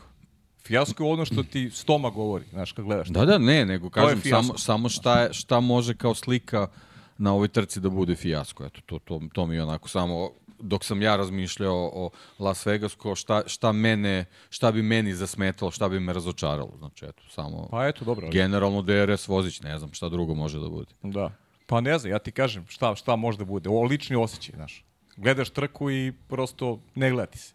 Znaš, to, je- to je fijasko. Znaš, svako gleda Pa iz da, tog ličnog kažem, ugla. šta, znaš. šta je negledanje meni? Pa ne znam, negledanje je znaš, samo to. nemam- nemam Sve pojma. ostalo, Vidit E da, dobili smo kritiku za znaš kako, kritikovanje izvini, sprinta. sam, Ne, samo naravno. Monte Carlo koji je generalno nekad bio jedina glamurozna trka u kalendaru. Znači, bila je u kalendaru samo zato što je to glamur i to je neki Las Vegas nekada bio. Imali smo trke gde četiri bolida stignu do cilja. Okej. I svi su govorili kako su super trke, sećaš se kad smo bili mali. Dobro, 96. Olivije Paniska je pobedio. 96. i ranije. Dobro, to je. Pa imaš i Ima, prost ima scena. primjera, da. Na primjer, kada se završavalo po crnim zastavama. Mm, ali to je zanimljivo, to si lepo rekao. Ajde ovako. Kako nam se dopada velika nagrada Majamija? Jel je pamtimo? Znaš šta, evo, neću, možda je prejak reći fijasko, ali meni je, da li je ostavilo utisak na meni ili ne neka trka, da li se me Pa zapamtio? to, da. Znaš, na primjer, mislim, ja, Baku- kažem ti, ne, ne dajem ja sad neku neko predviđanje šta, nego samo razmišljam šta može da me ne zadovolji Evo, u ja- Las ja Vegasu. ti kažem Ali šta. pričamo o stazi, znači ne, Da, ne samo stazi. okolo ništa. Lični Ne, ne, osjećaj, staza, lični staza, osjećaj. Ne mora to sad bude neki konkretna, znaš, neki sad ne znam, treba završi 7 vozača, ja ću budem zadovoljan. Ne, nego prosto lični osjećaj, imamo kakva će dinamika trke biti. E, ali ajde To ovako, ajde da postavimo sad imaginarni scenariju. Dakle, pričali smo o Baku, ti ja smo se plašili Baku, da će nam Baku biti ovakav, onakav. Baku nam je dao mnogo uzbuđenja, da čekamo Jeste. Baku. Zašto je Baku nas kupio? Ajmo da razmislimo, evo, naglas razmišljam, evo, razmišljam dok pričamo. Zašto je Pa mene imaš kupio? dobra, dobra staza, znaš, dobra kompozicija staze, onaj dugačak pravac, imaš, ne Ali znam, to, šta to znači? Preticanje imamo, ima pa naravno. strategija igra ulogu, imamo vozila bezbednosti koje utiču na ishode trka, imamo rivalstva između klubskih kolega, na primjer baš spomenuti Esteban Ocon, Sergio Perez, znali su da naprave tamo ozbiljan haos. Bilo je lepih Daniel Ricardo, Max Verstappen, pucanje guma, bilo je drame, bilo je dramatično. Nekako pamtiš te trke u Baku. U Majamiju nismo baš dobili takvu dramu. Meni najveći utisak Majamija prošle godine start Maxa Verstappena, kada napada prvo Sainca pa potom Meni, Leclerca. meni, meni je žurka. Ja pamtim po, da, po prenosu žurke. tako je. Znaš, ali na primjer nisam, Miami mi nekako nije stvorio taj utisak. Jedva čekam sad veliku nagradu I Miami. meni nije Lego Miami isto, da. To je. Ne- Nekako mi je ravna crta emotivna. Ne mogu sada da, trebalo bi da budem i konkretan po pitanju, ajde, nečeg što je opipljivo, merljivo, opisno. Nemam nikakvo uzbuđenje, je osjećam poenta? pred dolazak u Miami. Normalno da postoje nove staze. Potpuno je to u redu i treba da se malo, da se malo menjaju okolnosti. I to je jedini uh, reper treba da bude, da li će neko da ostane u kalendaru. Da li daje tu sportsku zabavu, a ne da bude uh, uh, finansijska dobit. Ali obrnuto je. I Miami će da ostane, Las Vegas će da ostane, doći i New York, siguran sam u to će biti New York. Tako da ćemo da gubimo polako ovaj, te neke, neke tradicionalne staze, okrećemo se onome što je, što je pre svega komercijala. Znaš I šta je mislim tu? da i ljudi koji uh, figuriraju, koji su u Formuli 1, da i njih to više, da to njima više prija, to njih više radi. Ulazimo u tu priču kada je, kada je taj sportski aspekt mnogo manje, viža, mnogo manje bitan od onoga što je, što je finansijska dobit. E, ali znaš šta može da se desi? Ajde da se nadamo ovako. E, Deki super pitanje postavi, jer ajde razmislimo konkretno, lepo si rekao stomak. Ovo će za nas biti prva trka tog tipa. Prva trka u Vegasu koju A gledamo možda na ćemo ovaj da način. budemo oduševljeni u Tako je. E, Naravno, to je- postoji opcija. To je to sad čekamo. Zato sam i rekao, malo mi je naslov, mislim da je trebalo da stavim optimističniji naslov, da ne bude novac samo u rukama, već Formula 1, novac, glamur u ali pustinji, Srki, u, a i mraz. ali, ali nisi pogre, Možda. nije, nije greška bila. U suštini je novac u rukama. Da li ćemo dobiti još nešto? Pa zavisi od, od, od, od trke. Ne može to da znamo napred. Poenta je novac u rukama. To je poenta. I jeste, to je sve o čemu se Pa priča. to je poenta. Znači, ni- nikakva greška nije naslov. Poenta je novac u rukama. A da li uz, uz novac dobijamo i drugu vrstu zabave, pa to će, to će da nam kažu akteri u... I aj sada da vidimo stazu. Ajmo ovako. Možemo, Vlado, da bacimo pogled na onaj Pirelli kadar, molim. Hoćeš da je voziš? A, to, ne, ne, e, gledaj, e, gledaj šta sam nacrtao. A, ponosan sam. Ovo mi je orijentacija ka severu, čisto da znate. Dakle, ovo je orijentacija ka severu. Dakle, ako možete da prikažete tako. E, sad, ovo je zapravo put kojim će je voziti. Dakle, ovo je put kojim će voziti Formula 1. Ovo je moja rukotvorina, ne zamerite, ali čisto da vidite gde će, gde će se u gradu kretati. Dakle, a kada pogledate oni drugi kadar, malo je drugačija orijentacija, ali ovo je zapravo orijentacija. i sad ne zamerite na, na slobodnoj formi, ali dosta je jasno. Ono što je tu pojenta da možete da vidite gde se nalaze svi mogući kazini. Dakle, Caesars Palace je tu, Bellagio je tu, Flamingo je tu, Venetian je tu, Paris, Las Vegas je čuješ tu. Šta, čuješ šta govoriš? Čujem šta govorim. Cosmopolitan je tu, Palazzo je, Venetian je takođe, Vin je tu, inače priča se da su svi smešteni u hotelu Vin, ako neko u Vegasu eto da ima informaciju. Ne znam da li je proveren, ali to sam čuo. Dakle, eno ga Da, tamo- biće tu i biće neki golf turnir među vozačima. E, da, znaš gde je golf Da, turnir? eto Tamo, ga gore, da. Uh, E, ali to Golf je Vin klub. Golf klub, ali imaš i mali Top Golf, imaš dole kod Pa da, pravca, su ali Vinu, goreće, verujem goreće. da su A, gore. Da, da, da, da, da, I, I šta je poenta od Zabava. svega što si Sve rekao? što sam rekao je samo zabava. Da, znači nije bitan teren, nego je bitno da sve to vidi. Jasno, jasno, jasno. To je to. Jer kad sam drugi put crtao u sred grada gde će ići staza. Jer za razliku od Bakua, ti odlaziš u grad koji nije toliko poznat. Vegas je i tekako poznat. Kroz filmove, pop kulturu, generalnu kulturu. I ti sada imaš situaciju u kojoj će, pa nema sumnje da će biti neki film u kojem se Formula 1 s- volšebno pronalazi u Las Vegasu i nešto se dešava u Las Vegasu sa Formulom 1.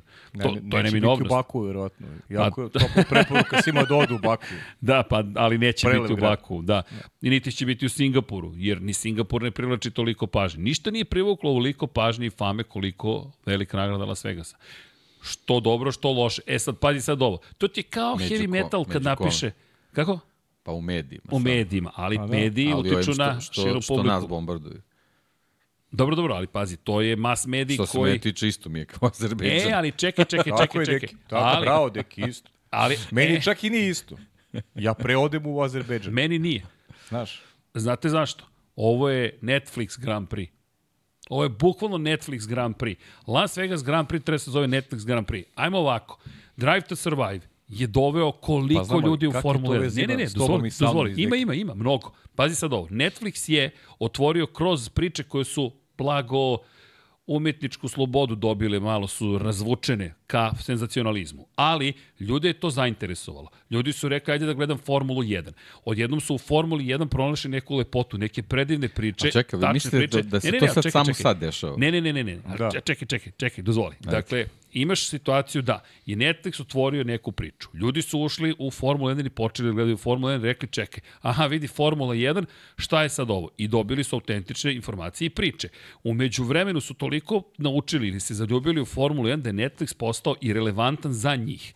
Dakle, bukvalno, većina počinje da prestaje da gleda. Ali, neki novi ljudi nisu čuli za Formulu 1. Za njih će Drive to Survive i dalje biti čuveni ulaz u funnel, jel te? I sad, šta to kasnije postaje? Dolaziš do onog čuvati loyalty momenta, to sad postaje tradicija, postaje norma, postaje porodično neko gledanje trke i tako dalje. Što znači, Netflix, iako je raz, razvukao te priče na ne baš neistinu, ali e, tako, i e, delove istine, što Max Verstappen nije trebao da se snima, za- baš zbog toga, ali ima svoju svrhu. Sad zamislite masovni mediji kada pričaju velika nagrada Las Vegasa, velika nagrada Las Vegasa i neko kaže ajde da vidim tu veliku nagradu Las Vegasa. I sad zamislite, imamo scenariju, ne bude ništa specijalno, ali neko kaže pa okej, možda ovo i nije tako loše, aj pogledam sledeće godine neku drugu trku pa bude dobro. A zamisli, bude spektakularan Las Vegas Grand Prix. I neki novi ljudi kažu, zahvaljujući tome što sam gledao Netflix Grand Prix, ja sam upoznao se sa jednim novim sportom.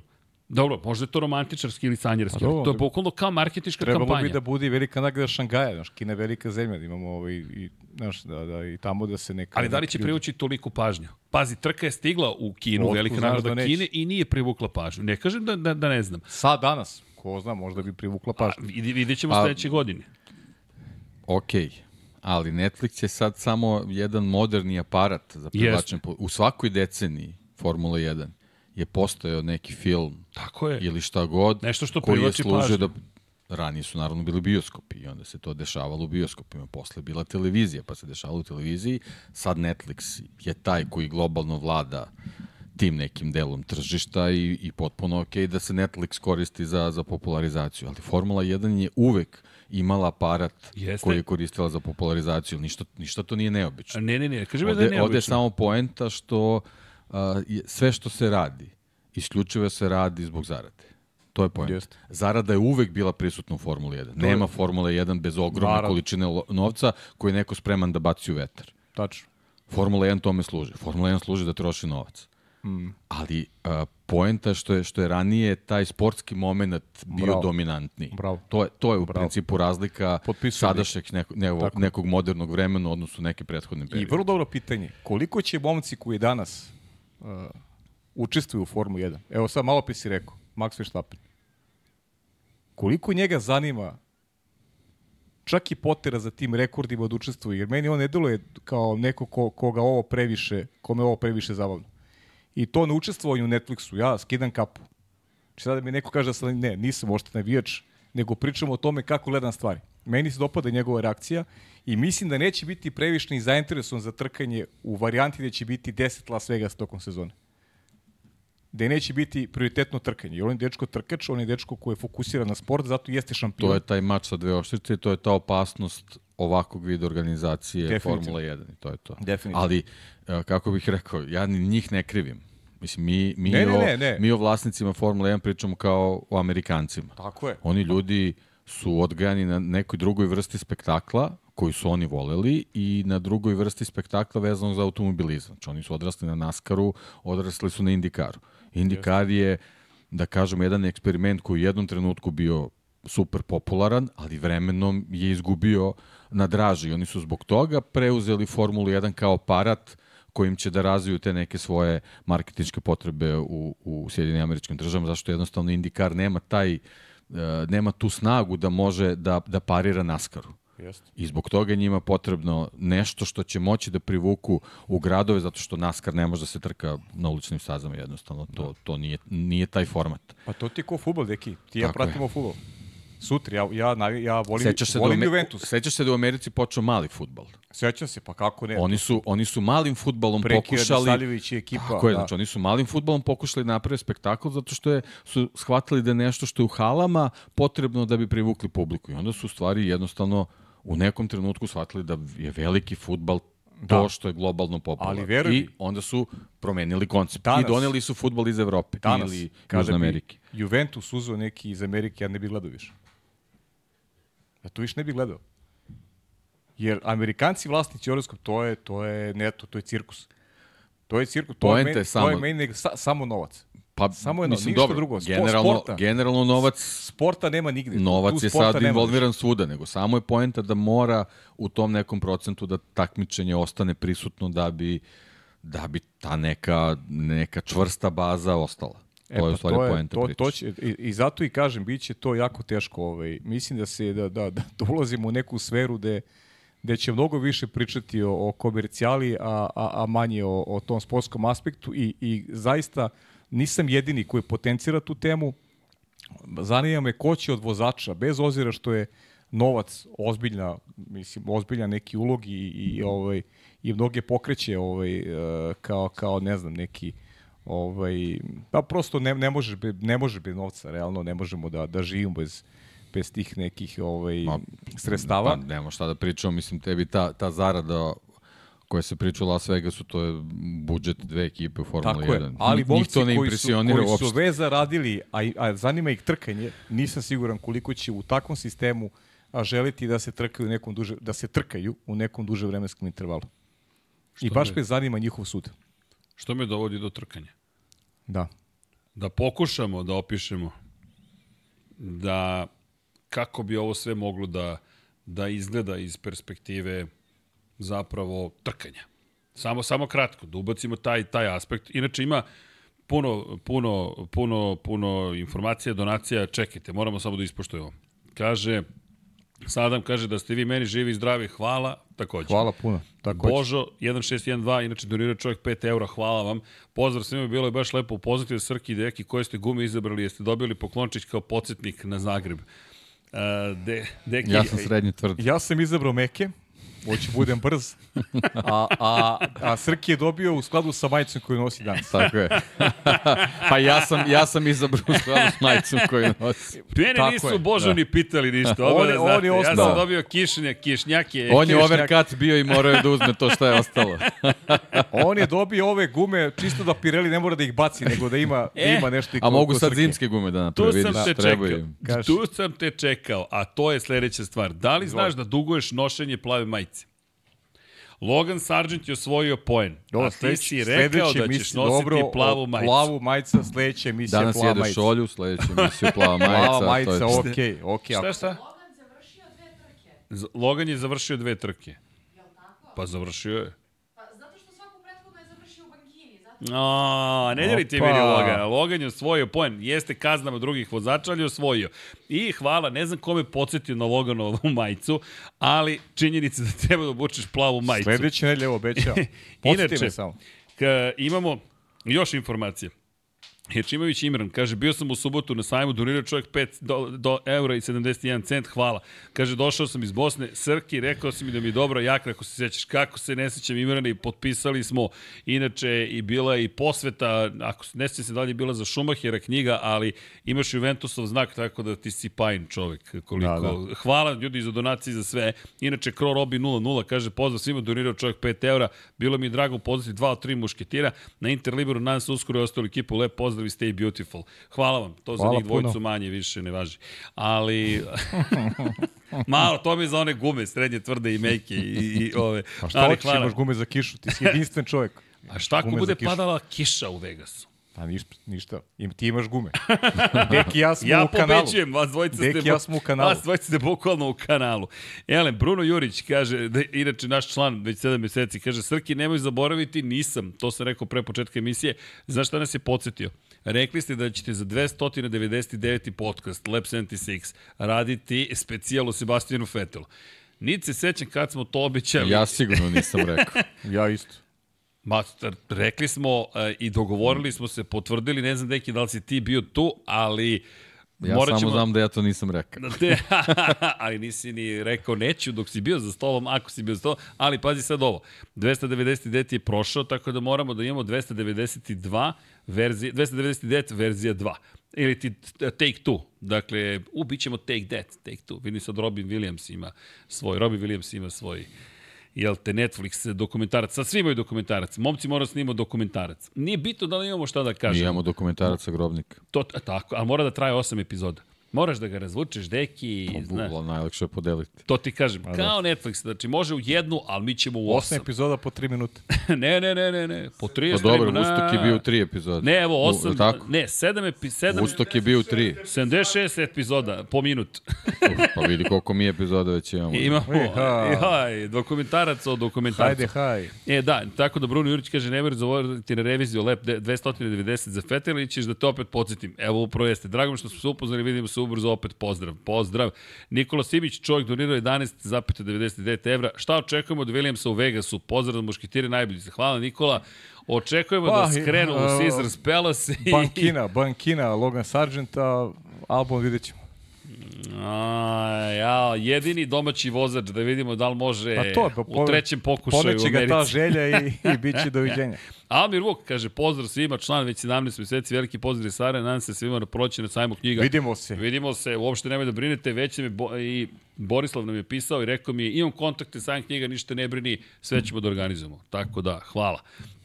Inače, Nadin Osman Hođić kaže, misle da će pola grida da ode u kazinu da stavi da Logan završava u zidu.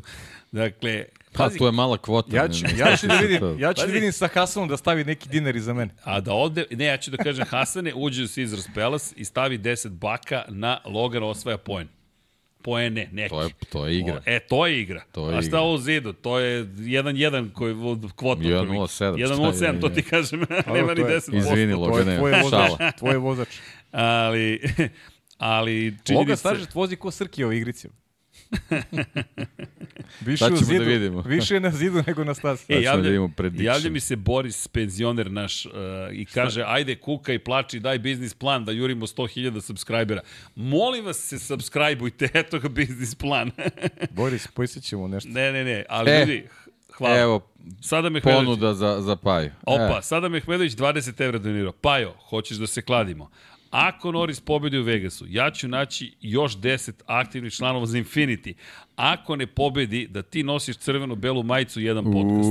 Uuu. Ajmo, Pajo. Ne, ne, čekaj, ovo je skupa, ovo, ova crveno-bela je skupa.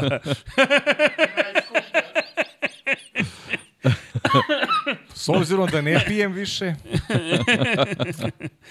A, Možda bi alkohol to i radio ovako. ne, ne, ne, ne, ali čekaj, čekaj, čekaj. Pa ne, mogu, sada- mogu crveno da nosim ovu, ovu Lab 76. Ne, ne mora Pa baš to, to, crveno. to, Pa ne, to- ne, ne, to a, je to, to, to, to, naravno, to. ne. Na to Ne, ne, ne, dobro, dobro. Nije problem, naravno. Eto, ali Znači, prihvataš opklad. Ne, ali sada me, naravno, evo ovako, prihvatam. nema potrebe da nalazite članove, da, lju, da, čujte, ukoliko dobro, to je žele da... opklada. A do, Ne, ne, opklada ne, okej, okej. Srđane, ne, ne, opklada je dobro, dobro. Samo hoću da kažem, ljudi, e, e, svetionici smo, nema teranja. Ako hoće ljudi da budu u ovoj luci u Aziji, Formula 1 i Moto Grand Prix-a i NFL-a i košarke i svega Pusti ostalog ti što sada, ma neko on... Dobro, znaš, sada me je Pusti dogovoreno. ti naš njega, on je, znao šta priča. Dobro, dobro, Ja sam dobro. siguran da on već ima On je to koji već prati. vjerojatno rešio tako da O, njemu easy opklada. tako je. Nije, nije problem. Stvari, On ti ima si- deset ti koji si u to prati, ja sam u problemu. Tako je. Znaš, E, nadam se da moji drugari neće gledati taj podcast. Inače, Debanđa se javlja i kaže, ja sam na Twitteru napisao još, hoće sigurno, jer će Čika Čaja da dobije, i dobit ćeš Reels. Već je Rilas. Pa je u crvenom. pa je u crvenom. Ja sam na Twitteru, kaže Debanđa, to ćemo sutra, rekao da Bastianini pobeđuje. Svaka čast, svaka čast. A, kaže Skuderin Usmir, može jednu belu majicu da nosi. A belo širi u struku, trenutno su, nismo strukirani previše, pa malo izbegavamo Nije, te mi smo super, mi smo baš fit. Nego, Ti si sad fit. Takav je kroj. Nije to, nije to do nas. Tako da, da, bit će zanimljivo vidjeti šta ko može da učini. E, ali ša, ša, šalu na stranu, Šalu da, što na se stranu. tiče najava, imam ja, imam ideju jednu, gledao sam, Stvarno? ako može Pirelli prikaz staza, onaj moje malo, kako bih rekao, previše slobodna umetnost. Dakle, a, da vidimo, evo ovako, zašto mislim da bi Ferrari ovde mogao da ima šta da traži? Zato što gde, u Singapuru krivine pod uglom od 90 stepeni nisu bili loši, je li tako? Nisu. Krivine ovde ima dosta pod uglom od 90 stepeni, ima sporih krivina, tako da očekujem da zaista smisleno Ferrari, i da, Vlado udri sliku Ferrarija u svojim novim bojama, i jel te bude zaista na visokom nivou. Evo šta su pripremili za Vegas, da. dakle, belo zadnje krilo, u bele boje, manje više sve, to se čuvenem brendiranju zove negativ, ili ti, pošto će biti noćna trka, da se, da se jasnije vidi sve što je na bolidu, lepo izgleda, Malo se Boži Tatarević šalio na Twitteru, naš dragi Boži, kada je video Ja, film Boži. kako otkrivaju zadnje krilo. Čekaj, otkrivaju zadnje krilo Carlos Sainz i Charles Leclerc. I Bože piše, zamislite da neko iz NASCAR-a oduševljeno otkriva zadnje krilo koje je u novoj boji. I zaista kad bolje razmišljaš, stvarno izgleda malo bizarno, znaš, kao šta ste novo pripremili za ovu trku? Novu boju zadnjeg krila. Pa ovo je inovacija. znaš, Ferrari se ozbiljno priprema. razumeš? Stvarno, ovo šal na čudno stranu, znaš, imaš, Pa, pa, lepo kad izgleda. već vidimo broj Iskreno, nije tolika inovacija koliko liči na bolid iz 82. koji je bio u Vegasu. Gospodin sad sam, istoričar. sad sam ovaj, Pa dobro, on, kliknuo on na- ne, on ne, ne, ne, on prebacio tu sam. 82. On, on prebacio imao, sam na On je Google. tad imao 23 godine. Da, da, da. A kad su već kod Da, Leclerc prilično je, liči na, na, na taj dizajn. Samo što je pozadi na, na stabilizatoru umesto Ferrari bio je ovaj, proizvođač pneumatika. Inače, Leclerc je navodno pregovarao oko novog ugovora sa Ferrarijem. To je nešto što, čime se bavi Italijani posljednjih dana, pa vidjet ćemo da li, da li će ovaj, i zaista ostati ovaj Ferrari još, još neki period. Ja iskreno verujem da, da, da Ferrari ovde može nešto da učini. Sad, da li može baš da se ponovi Singapur, nisam siguran. Moraju baš da se nadaju da će Max da ima loš vikend. Verstappen Pa ja, mi deluje kao ja moram na Landa da igram, nemam dilemu sad. Dobro, sad Lando mora, znači svi navijamo sad za Lando. Ja pa ja za Landa navijam, definitivno. Dobro, dali ste nam, dali Pa ja- ste nam sada me motiva. Do Landa. Do Landa Gle sad šta da ću ja da uradim. Gle sad ovo. Gle sad ovo. Ovo je Thor fazon. Počupaću čaše od kristala. e tako. Ako sad ne postanem Hulk, nikad neću. Mm. To ćemo posle da završimo. Jedemo šolje, to je stvarno novi bizar. Ali to vam govori priprema za Las Vegas Grand Prix. Pa da, šta ćeš? Mm. Ja idem malo. Kako teče? Mm, imamo zanimljive neke postere. To ću isto posle da vam pokažem. Dakle, kada govorimo o Las Vegasu i tome kako se pripremaju za... Svi smo u istom fazonu, svi vičemo Viva Las Vegas i, i to je to. Svi čekamo neki show. Ja se iskreno nadam da će neki show da se desi. Ajmo realno sada. Neki Elvis Presley da se desi. McLaren deluje kao da može da bude brz i na ovoj stazi, kao da na većini staza može da bude brz. Ja se iskreno nadam da je to istina, pogotovo sada uz ovo što je sada izazvao na dvoboj Pavla koji jede i dalje svoju šolju. Ja stvarno jede šolju. Vlado, vole, zadovoljstvo jedenja šolje, lepo se zabavlja i svaka čast kako ste je napravili, ali činjenica, ajmo, ajmo sad malo, malo zbilje. E, Max, favorit, nema šta, nastavlja se to jurenje rekorda, pobeđivanje i sve ostalo. Kada je reč o Serhiju Perezu, čekaj, sad će ruka da prođe kroz kadar, Dobro, sad znate kod koga ide ta ruka, ne ruka, ta, ta šolja. Boli Deki jede Kod šolju. čeka Dekija, Naravno. Deki čisto da... Po... Odlomio si. To je Ovo? Ovo. Nema veze, sad ćemo da probamo. Neko ti ostane, nek ti ostane, odlomi još nešto. Jel može ovde da može, se stavi? naravno, može, može, stavi. O, Odlomi nešto. da, dobro. Moj, moj pokušaj da budem ozbiljan, pali su u vodu po 17. put večer, uporno, dakle, sabotaža 1 na 1, 2 na 1 sabotaža. Ali da, dobro, pokušat ću još jednom. Dakle, Sergio Izvoli. Perez u Šta borbi, si on rekao? u borbi protiv Luisa Hamiltona, ali ne vred. Ok, idemo drugim redom. Ne, ne, pa daj. ne, Alfa Romeo će biti u Q3 delu kvalifikacije. Zašto? Zato što su ovde navijači Alfa Romeo nam doneli kačkete, pa da krenemo odatle. Šta očekujemo od Alfa Romeo? Nemamo pojma, ljudi. Sve što vam kažemo, kao, koje su naše očekivanja za Vegas je izmišljanje priče. Ma Ravna da, ma staza, da, bukvalno. ako bude 5 stepeni Celzijusa, zaista spoljna temperatura. Ljudi, Ma, to da. je bukvalno na nivou toga da se sve zamrzne. Dakle, ne znam ni koliko će gledalaca biti, šta će sedeti u, u, u, u, u jaknama, šta ukoliko dune vetar, pri čemu do poslednjeg trka nećemo znati koja će biti prognoza. Ljudi, pustinje je toliko nepredvidiva. Može da bude 15 stepeni, može da bude 5 stepeni. Ne znamo kako će biti, ali to će biti najveći najveća promenjiva, najveći faktor. Ukoliko padne ispod 10 stepeni, opet je dovoljno hladno. Pri čemu to, to može da dovede do onih takozvanih hladnih cepanja guma. Šta je hladno cepanje guma? Kada guma ne može da postigne nikako adekvatnu radnu temperaturu pa da. i vi imate drugačiji način cepanja gume. Dakle, ona se ne troši kao kada se pregreva, kada se pretvara u, kada se topi, nego se kida Vi bukvalno vidjet ćete delove gume kako se kidaju. Dakle, ona neće biti istopljena, nego će biti pokidana. Što opet dovodi do toga da gubite prijanjanje, da je potrošnja verovatno veća nego što ste igde očekivali, što dovodi možda do toga da će imati mnogo stajanja. Što vas dovodi do toga da opet morate da, jel te, budete super spremni kao ekipa, koji će opet biti hladno, bolje da imaju ekipu sa 24 časa Lemana, da dovedu mehaničare iskusne koji znaju kako kad se smrzavaš, jer nije baš to uobičajeno u Formula 1. Tako da, To će biti najveći faktor. Max, očigledno, broj 1, Čeko dobro izgledaju u Meksiku, bez obzira na incident kada je pogrešio, deluje da je dovoljno brz. Kažeš, znaš, završena je ta bitka za, za, za poziciju vice, uslovno rečeno vice šampiona. A teško može tu, teško može sada Luis i...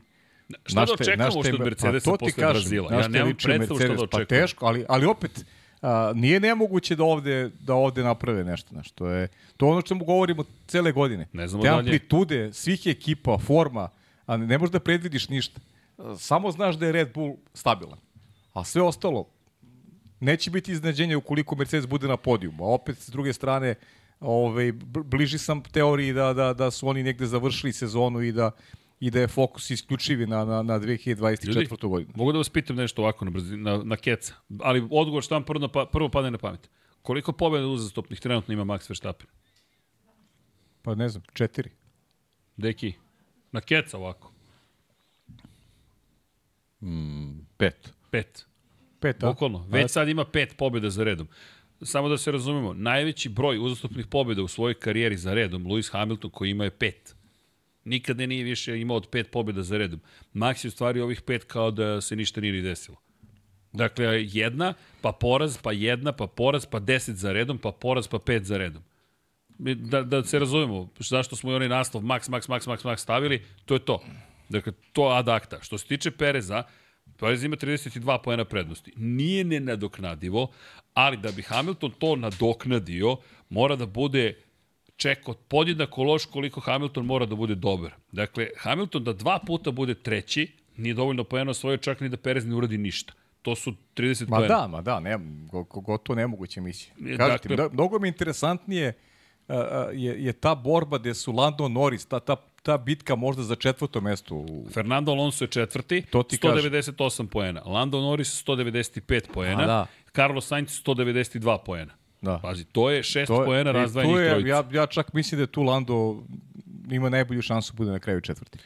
Inače, daleko je Lewis Hamilton, 28 pojena trenutno beži pa Lando da. Norrisu i opet ista priča kao Pa to što... je jedino da Luis ne završi obe trke, pa da onda, znaš, da, da, ima, da ima neku šansu da ga, da ga da prestane dođe na do treće što Ali, bi bilo ali to što je, što je McLaren radio i Lando u, tom, u ovom drugom delu sezone je, je stvarno fenomenalno uz uz tu opasku da, da u nekim trenucima, ova prošla trka mi se svidela, stav mi se dopao kod Lande. Ali je bilo mnogo primjera ove godine gde, gde je želja bila samo završiti drugi, ne, bez pokušaja da se uradi nešto više, da se, da se makar proba ovaj napad na Maxa Verstappena i, i pokuša da se dođe i do prve pobede. O to je ono što, što Landu nedostaje već. Dugo je već prisutan u Formuli 1 i ima tih uh, sjajnih rezultata, ali uh, osim te Rusije gde je imao kontrol, gde je mogao da pobedi, nijednom nije bio tako blizu da, da, da, da triumfa. E, Kada pričamo o ostalima, Mercedes, ne znam da li je anomalija ono što se desilo u Brazilu da. ili je to ono je, neka nova ono je baš stvarnost. bilo, baš tragedija, ono je baš bilo na, na da su, da su svi to držili onako na ličnom nivou i, i treba da bude tako. I ono što mi izdopada kod Mercedes iskrenosti u, u tim ovaj, Ma, da vidi se nekim, šok nekim relacijama, da, da. Vidi se su da, je- da je bila drama, tako je. I sad Lewis Hamilton koji želi da što pre taj bolid bude muzijski eksponat i mislim da svi navijači Mercedesa žele da, da bude muzijski eksponat. E sad, pravim poređenje sa završnicom prošle godine koja je bila spektakularna i koja obećavala da će ova biti bolja. E pa sad možda je ovo, znaš, sad je neki obrnut kao put.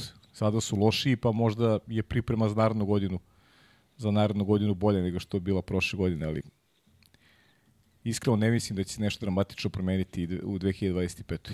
Ako ne iskrenije. Da, neko je pitao da li očekujemo 10-15 godina e, dominacije U Maxa. 24. Ne. pardon, ne, ne, Ne, ne, 25. Ma baš je bilo pitanje na 10 do, do, do 15 godina dominacije Maxa. Ne, ne očekujemo baš 10-15 godina. Sve te dominacije dođu u kraju. Pa da, ali, ali naredne dve će, teško, teško će ovaj, ga neko pobediti, zaista. Mislim da pobediti, kad kažem pobediti, mislim na osvajanje šampionski titul. Ili da će ga dovesti u situaciju da... Pazi, ajmo ovako, da se nadamo da će biti makar malo neizvesniji. Pa ne, da, da neće imati toliko pobjeda, da, da, da nećemo prisusti u ovakvim scenama, jer ovo je meni ovo katastrofa, ovo je meni... Ma ne, vidi, Kada- neka, kada pobedi, iz- ali neka sport- bude svaka trka bitka. Pa da, ali, ali bitka da bude. Jer meni je ovo jedna od najneinteresantnijih sezona koje sam ikada gledao u Formu 1, da budem do kraja iskren. Jer ovo je ulazak Maxa u prvu krivinu, ti znaš kako ćeš trku da gledaš. Ne kvare se, brzi su, on je fantastičan i to ti je Znaš, sa- samo, samo se ono, gledamo se i molimo da ne bude da nema pol poziciju. Jer ako nema pol poziciju, možda, ako nije u prvom redu u stvari, ti možda dobiješ neku interesantniju trku. A ako je na polu, pa nema, to je, to je kraj. A pol pozicija ukoliko je osvojena, kao što smo rekli, imaš 160 metara od ulaska u prvu krivinu i da. To su baš male šanse, Male, osim ako napraviš grešku. Pričem, ono što me zanima jeste kako će trkanje da bude iz perspektive to. Ako idemo na preticanja, pa ti tamo dok se spustiš do 14. krivine Planet Hollywood i Ma, ostalo, A, a mene gume najviše zanimaju, znaš. Kako će gume da se ponašaju? A da to ćemo to imati trku sa više, tako je, da će biti trka sa više stajanja, znaš, kako, znaš šta će to da liči? A to je ono što ne znamo i zato jeste super što imamo kompletan vikend koji je baziran na onom klasičnom vikendu gde imaš tri treninga i imaš adekvatnu pripremu za, za, za, ovaj, za kvalifikacije. Za dobro, mislim da ste to zaista da su im dali sprint ovde, da Pa bi ne, to, to je bilo, to bi bilo surovo. Katastrofa. To je moje mišljenje. Mada bi možda da- bilo zabavnije, ali...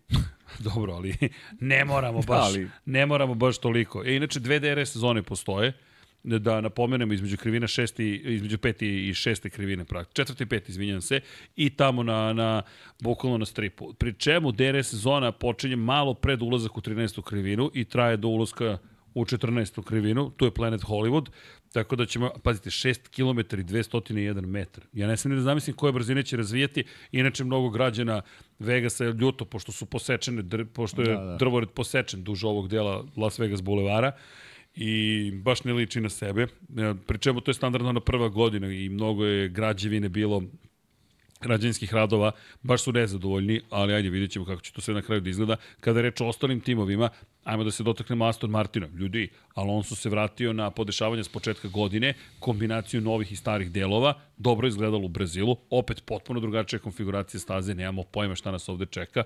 Držimo palčeve da je početak sezone, a opet to je negde sad priča tim podešavanjem s početka sezone, gde je Aston Martin bio zaista dobar na ubrzanjima iz relativno sporih krivina, na, u niskom stepenu u, u, prenosa, dakle kada govorimo o krivini 1, Pa trebali bi da budu dobri. To je to, vrlo nizak Trebalo bi stepen bude prenosa bi trebalo tu da bude. Isto i, i prelazak u drugu krivinu, treća tu već malo ubrzavaš.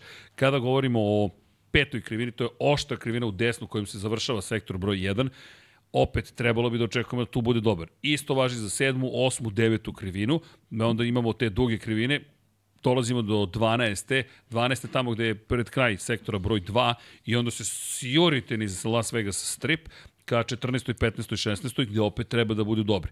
Williams možda se izvuče malo ovim DRS zonama, ali realno mislim da ukoliko je tu mačiti na osnovu Brazila, bi Aston Martin mogao da bude vrlo pristojan u celoj ovoj priči. Pa vrlo moguće da jesu bili dobri na stazama slične konfiguracije, tako da pa Alonso, kad pre svega gledamo Alonso, mada je to i Lance Stroll odvezao jednu, jednu dobru trku. Ovaj, to je možda onako naznaka da je, da je ekipa ovaj, Ali pa jo, prevazišla te neke osnovne probleme. Eto nama bitke, dakle, bitka Alonso, Norris, Sainz. To je ta bitka. McLaren protiv Aston Martina protiv Ferrarija za tu poziciju. Neka je i pozicija četiri u šampionatu, opet, znaš, moraš da imaš neki valjda motiv, neki Pa cilj. jeste, mada meni, kažem ti, ova bitka za, za te niže pozicije konstruktorske je važnija, znaš, i, i zbog novca i zbog, znaš, zbog nekog imidža. Haas, bi, Haas na domaćem terenu, ovo bi bila druga godina da su posljednji. Pa ne izgledaju preterano dobro. Ne izgledaju, ne Oba izgledaju da se uopšte. razumemo. Uopšte ne izgledaju dobro. Ni uz ove A promene ne ovde izgledaju realno, ovde realno Nando, meni je, no, Nando, Lando je taj koji je najbliži, čini mi se, tom četvrtom mestu. S obzirom na stanje, opet- na stanje u ekipi i Da vidimo formu. mi to. Znaš, da vidimo bitku Pa celu, dobro. da vidimo da li nešto može da se tu desi pozitivno. Charles Leclerc inače protiv Georgea Russella, borba za sedmo mesto, ne znam koliko im je to i jednom i drugom bitno. Nemam pojma koji stav zauzimaš kao neko ko treba da bude šampion sveta, boriš se da odbraniš sedmu poziciju kao Charles Leclerc. 170 poena, imaš 14 poena više od Georgea Russella. Da li si uopšte motivisan i kažeš, e, bitno mi je da budem sedmi, a ne da budem osmi, ili si u, u raspoloženju, daj šta god da se desi, da bude samo pozitivan A kraj Ferrari sezone. zavisi, zavisi od kvalifikacije, pogotovo Leclerc. Znaš, samo me zanima Mada ni, razmišljanje. kvalif, Koja su mada, ti mada ni, ni kvalifikacije nisu donele, eto, posljednje tri trke imaš dva prva, jedno drugo mesto i imaš jedan plasman na podiju. I da li ćemo vidjeti Daniela Ricarda i Yukija Tsunodu kako oduševljavaju Alfa Tauriju? Ima, ima materijala. Sedam poena im nedostaje da sustignu Williams. Da li tu treba gledati možda najuzbudljiviju bitku? I ima materijala. Jer pazi, opet bili su dobri u Brazilu, bili su dobri u Mexico Cityu, jesu to visoke nadmorske visine, pa opet priča o razređenom vazduhu. E da, ovde će biti, e da, da, da, da, da, da, bitan moment. Dakle, ne samo nadmorska visina, kako se spušta temperatura i jel te, a raste i, verujem, vlažnost vazduha, vlažnost, koliko god da je u pustinji, vrlo je niska, verovatno, ali opet temperatura, kada, kako se smanjuje, šta raste? Gustina vazduha gustina vazduha, tako da svi bolidi koji generalno imaju veliko aerodinamički, veliki visok nivo aerodinamičkog otpora će imati posebne probleme u Vegasu. Što je negde Mercedes.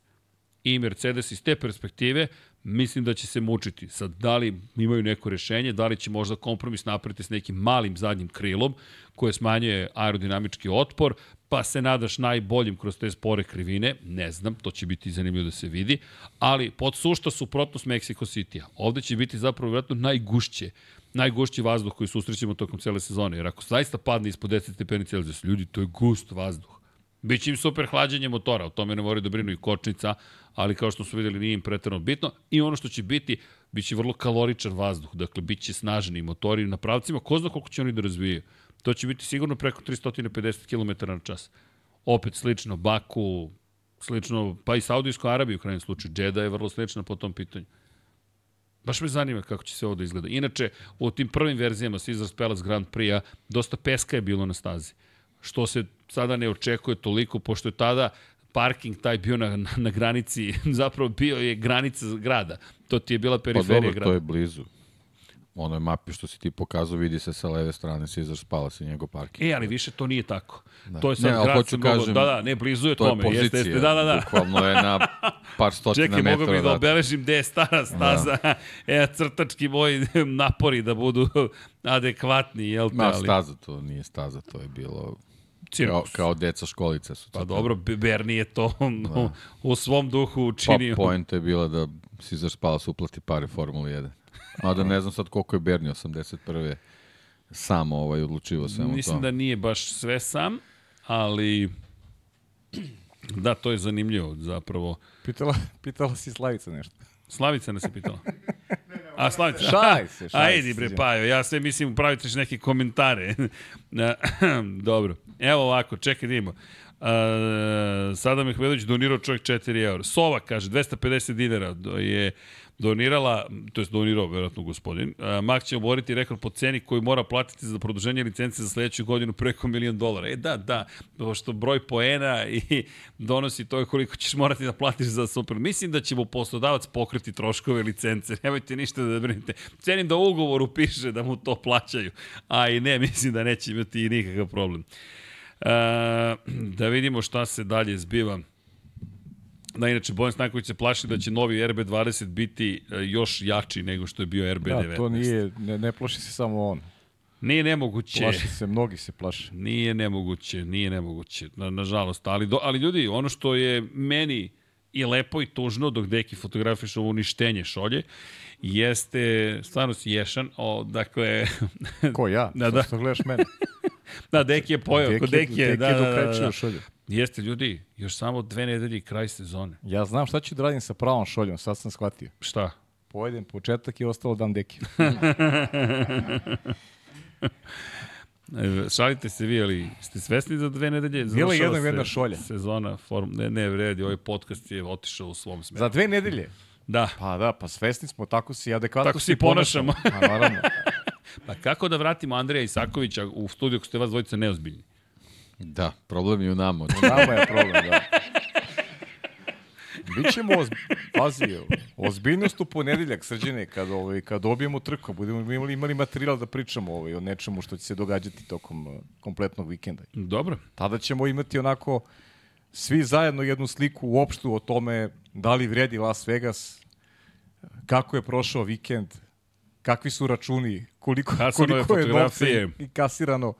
A lepo si rekao, možda ćemo u četvrtak imati i zanimljivijih ovaj, Novi priča na tu gafovi temu. Martina Brandla. Novi gafovi Martin. Martina da, da, da, Branda, da. A pritom četvrtak, ukoliko se Hasan uključi live, Ja. pa da vidimo šta se dešava sa lica To bismo mesta. mogli da, da, da, Pa ako uspe mogli da bi, se naravno. organizuje. A, naravno. To bi bilo lepo, malo da pomerimo stvari. E, ali imamo i ne zaboravite fantasy. Ja nisam iskoristio gomilu ovih beskonač čipova i Baš tih me, stvari. Da, a inače smo nas dvojice iskoristili koliko hoćeš. ne znam ni šta su čipovi, ono. Šta je final fix? Aha, posle kvalifikacije, dobro. Va. Wild card, autopilot, no negative. Ajde, primenit ću no negative, eto. Eto, primenio sam no negative. Dakle, da iskoristim bar neki čip. Da, da nešto učinim. Ali, e da, znaš šta pa je? E, e nećemo Kaži. mnogo da, vo, jel ćemo da vozimo svako Pa po jedan što da ne, vozite, pa Ajmo, interesantno ali ljudi, je da se vozi. ovo je bitno sada, ne vozimo da bismo sad se šalili kao što znamo se šalimo. Pa vas molim da ostanete. Ovo je sad bukvalno da bismo i mi saznali kako izgleda Tako je, staza. ima smisla, ima smisla danas voziti. Tako je, danas ima smisla i za sledeću sezonu potrudit ćemo se da se uvežbamo. Deki, ja ćemo ovo da malo zbiljniji sledeće godine. Šta kažeš? Da Trebali pokušamo. smo i ove. A znam, znam, znam, ali ali izmisli neki razlog zašto nešto smisli, ne, nemam pojma šta. Nego, uh, Vl- Vlado, može, može samo pogled na Sony da namestimo, pošto se ugasio bio, uh, dobro, e, samo da namestimo od formulu, ne samo formulu 1. E, znaš šta nismo rekli, da je, da je odbijena ona žalba Hasova. To E, nismo da, da, rekli, da, da, da. Uh, žali su na ovu trku u Ostinu, da tražili su reviziju krugova pojedinih vozača, smatrali su da, da neki momci nisu kažnjeni ili je od, odbijena je ta, ta njihova žalba, tako da rezultati iz Ostina ostaju isti. Manje više smo očekivali tako nešto. To se te, te pitam, da čisto- je, je, čisto je, da- iznenadila odluka? Pa ne, naravno, ali eto, čisto da, da potvrdimo, to je vest je svakako. Dobro. Ajmo da se vratimo u Formulu 1. Switcher F1 2023. Back to game. Uh, dobro. A, deki, a, hoćeš da sedneš ovde? Ili hoćeš ti da voziš prvi? Ajde, ja prvi par Ajde, krugova. ajde, ajde. Par krugića. Par krugića. Hoćeš ti damo mikrofon? Aha, ne, dobro. Možda će ti slušalice, možda će ti slušalice biti potrebne, a možda i ne, nema veze. Dobro, mi ćemo da komentarišemo. Inače, sad ćete da vidite kako to izgleda. U, čekaj, stani, da ti namestim par stvari. Kada smo već ovde, uh, and track selection, samo da to bude u pravom. midnight. Ne mogu da stavim 5 stepeni, ali mogu da stavim da bude uh, noć. I da vidimo kako će to zaista da izgleda noću. Dakle, Deki sada kreće, mi ćemo se zaista potruditi da komentarišem. E, Deki, samo udri uh, dugmence PlayStation da bi aktivirao kontroler na dnu. X, samo udri. Eno ga X, to je to. I sada si sada preuzimaš kontrol. Dakle, ovo je bukvalno da čisto da vidite kako izgleda staza, jer ovo je neki prvi pogled na to kako izgleda Las Vegas. Možda ste da gledate Landa Norisa, ali Lando ne vozi kao deki, tako da shvatite to kako god želite, ali da vidimo deki a, jel krećemo? Ajmo, flying, leteći krug. Dakle, Ovo bi trebalo da budu 14. 15. 16. krivina. I sad idemo ka startno ciljnom pravcu. Dobro. Idemo kroz startno ciljni pravac. Imaćeš krivinu u levo.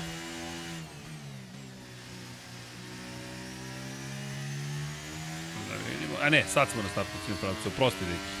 Nisam ja to lepo pohvatao. Evo ga. Ovo je ta oštra krivina broj 1. Nastavlja se na drugu krivinu i sad ide krivina u desnu uskoro. Izlazak na dugi pravac, to, to je prva DRS zona između krivina 4 i 5. Dakle, sad pun gas tamo do petice. I onda imate oštru krivinu pod uglom od 90 stepeni. Bukvalno to je, to je Vegas. Dakle, ide, ide, ide, ide, ide. I onda sad skretanje oštro desno i onda duga krivina levo. Eno je sfera u pozadini ne znamo šta će na njoj biti. Dakle, sad je ovo učenje staze i sad duga leva krivina koja se završa oštrom levom krivinom. Oštra leva, pa desna krivina, pa će ponovo krivina u levo, sfera ostaje sa leve strane, eno je tamo, tu je monorail, ovde što vi, ove stobove koje vidite, tu je monorail, bukvalno jednošin, da se tako izrazim, u pozadini tamo Bellagio, Caesars Palace i tako dalje i tako dalje. Idete u... Iz kroz... nekog razloga mi ne daje gas. Zato što je hladno mnogo, Deki. Ne daje ti gas. Da. Mnogo je hladno, Deki. Možda je problem Snađi u ovim patikama. Moguće da se pritiskuje kočnicu isto vreme. Moguće, moguće. E sad, ovde je, ovde je izlazak u drugu DRS zonu i sad pun gas. Vidiš. Jedno... Ne daje ti gas.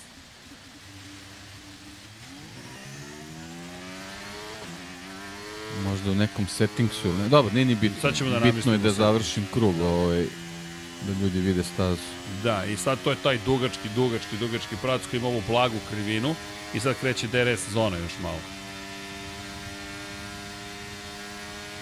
I sve ovako šarenoliko izgleda Eiffelova kula s leve strane, hotel Las Vegas i onda snažno kočenje. Imate krivinu u levo, pa u desno, pa u levo. Uhu. Dobro, dobro, agresija pa sad levo i sad dugačak pravac. Do nekle oštra krivina u levo i to je završen krug. Stadion ovaj glavni. Inače, ovo sa leve strane sve pripada Formuli 1 kao kompaniji. A na tom mestu se između ostalog nalazi, pazite sad ovo, ulaznice za garažu ste mogli da kupite. Nalazi se garaža koja je zapravo restoran i vi stojite, vaša garaža se nalazi pored garaže Red Bull Racinga i vi dok ručkate, pijete, bukvalno imate zidić ka pit lane-u, pored vas prolaze bolidi i desno od vas se nalazi garaža šampionske ekipe. To je bukvalno koncept koji su prodali, ulaznice su koštale 30.000 dolara. Sad daj gas.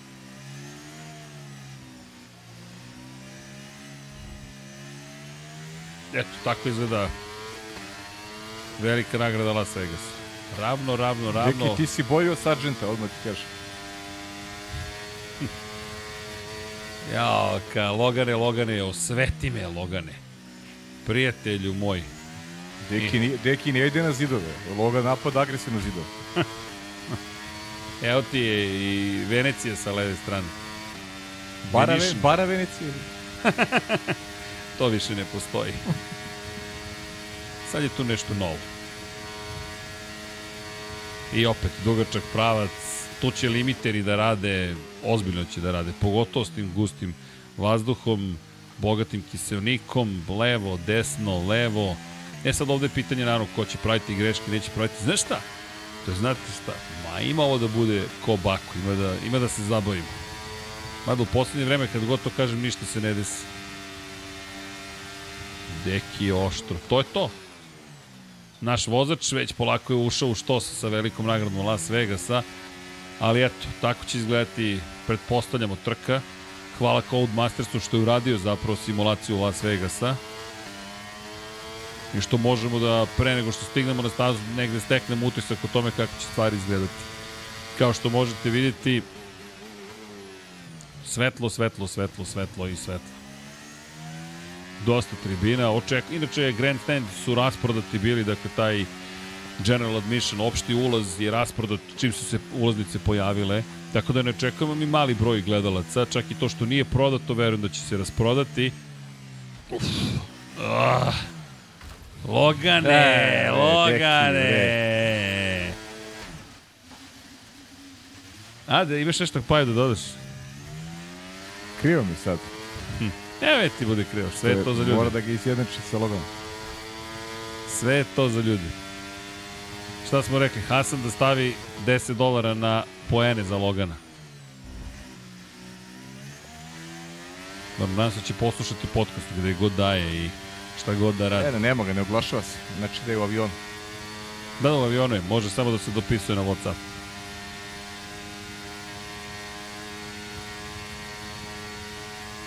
Znam zašto nije uzeo onaj jači paket interneta. Svesna si da bi sad morao da priča sa nama.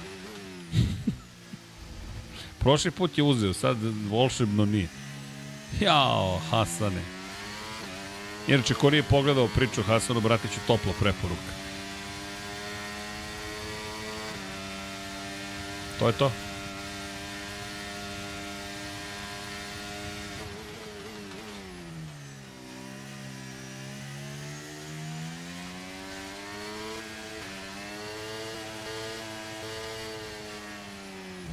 Ne može ovako. Ah!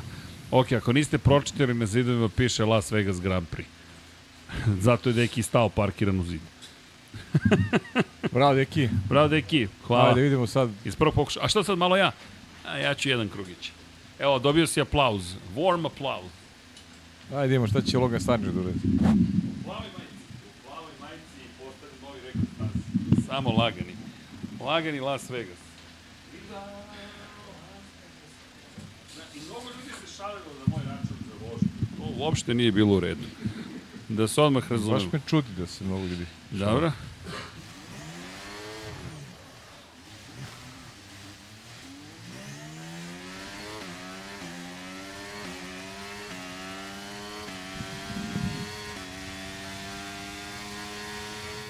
Samo jedan predlog imam, Deki.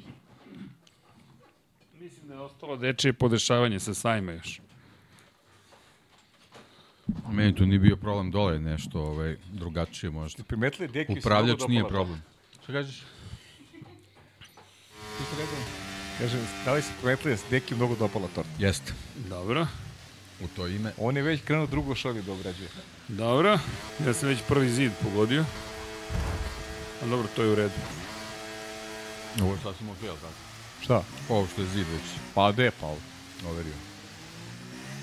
A on je, njegov omenjeni vozač je Logan Sargent, sad znaš zbog čega. Mogu ja nešto ti kažem? On, on, on voli... Mogu ja ti kažem? Kaži mi, Sviđa mi se konfiguracija staze. sviđa ti se, Da. da. E, da, to sam teo te pitan, kakva ti je staza? E, nisam siguran, moram da ti priznam. Pa, Baku, ako se računa, Baku je dva mislim da, kilometra. da, mislim da ovo ne može da, da parira.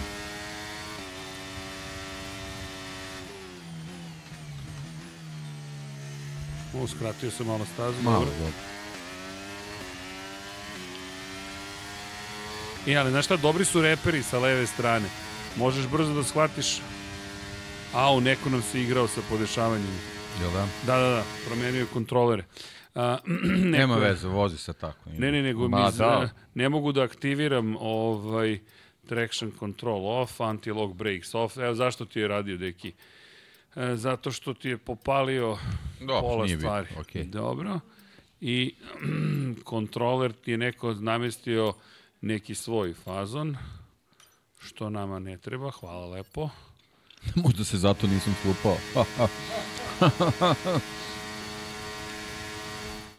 Čekaj. A, a, kokpit, TV pod, dobro. Up, up, up, up, up, up. Dobro, dobro, sad sam...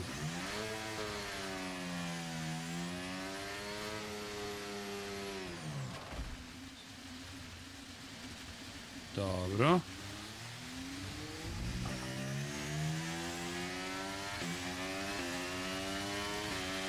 Ma lagano. Ovde je pun gaz, deki, napravio. Mm -hmm.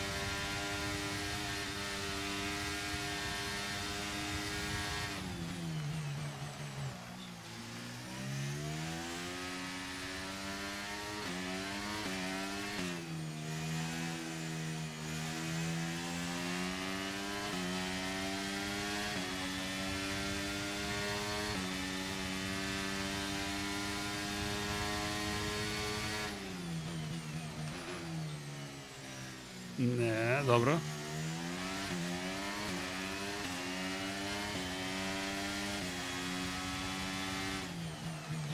Ah, ne.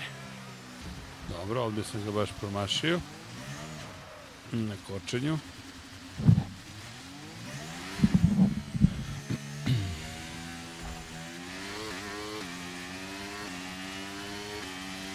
Ovde je brzo u desno, tako?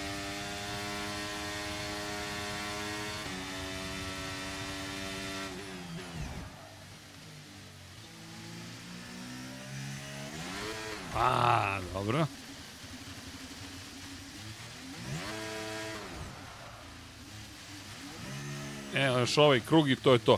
Pričajte nešto ljudi, pa ne. Pričaj Ja sam opisao celu stazu. Kad je onboard snimak, ne priča se.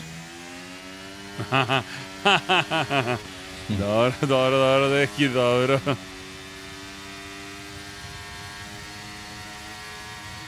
Dobro, pa nije uopšte tako loše, mogu ti reći. Da vidimo mi. Molim vas, dostijemo sud za ponedljak.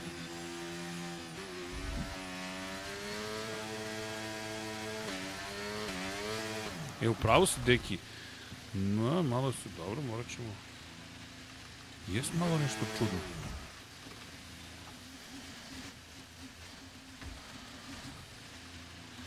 Dobro, vrlo zanimljivo.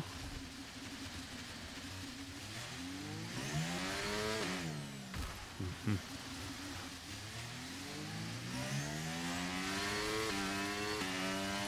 Dobro, dobro.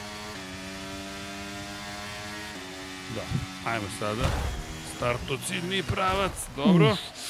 Baš sam ga Jao. overio. Dobro. Ovo i mene zabolalo. Ovo je baš bilo bolno. No, ovo je baš bilo bolno. Ovo je bio Russell iz Singapura lagani.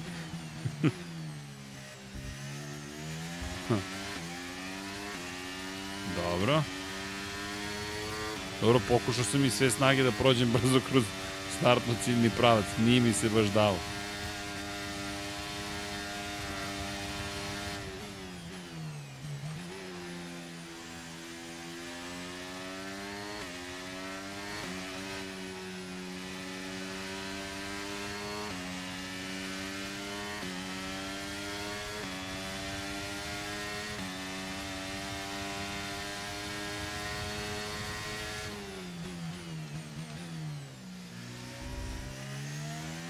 A, dobro, treća brzina.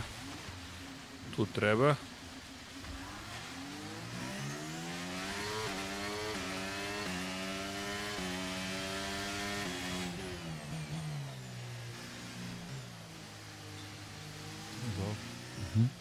Ne, neću više da njavimo publiku, dosta je bilo za večeras, ali mi se, a, dopada staza.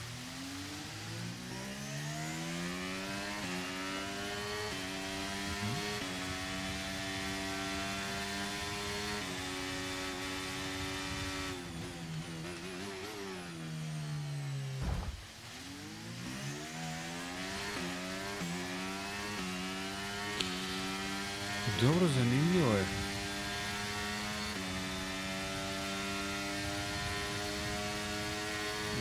Vlado, družimo se ovde do 3 ujutru, ali posle emisije.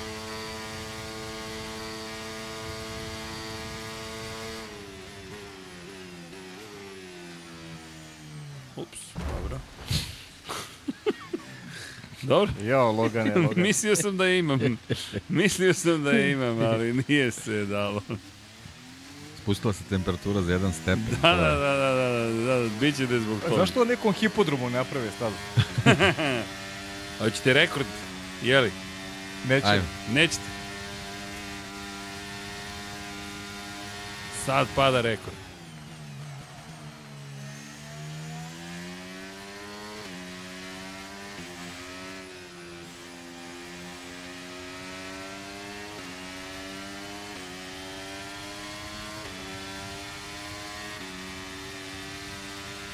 Sad je moja.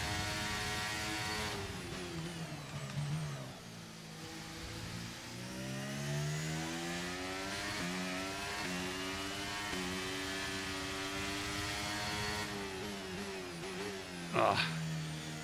Dobro, agonija, probašaj krivine.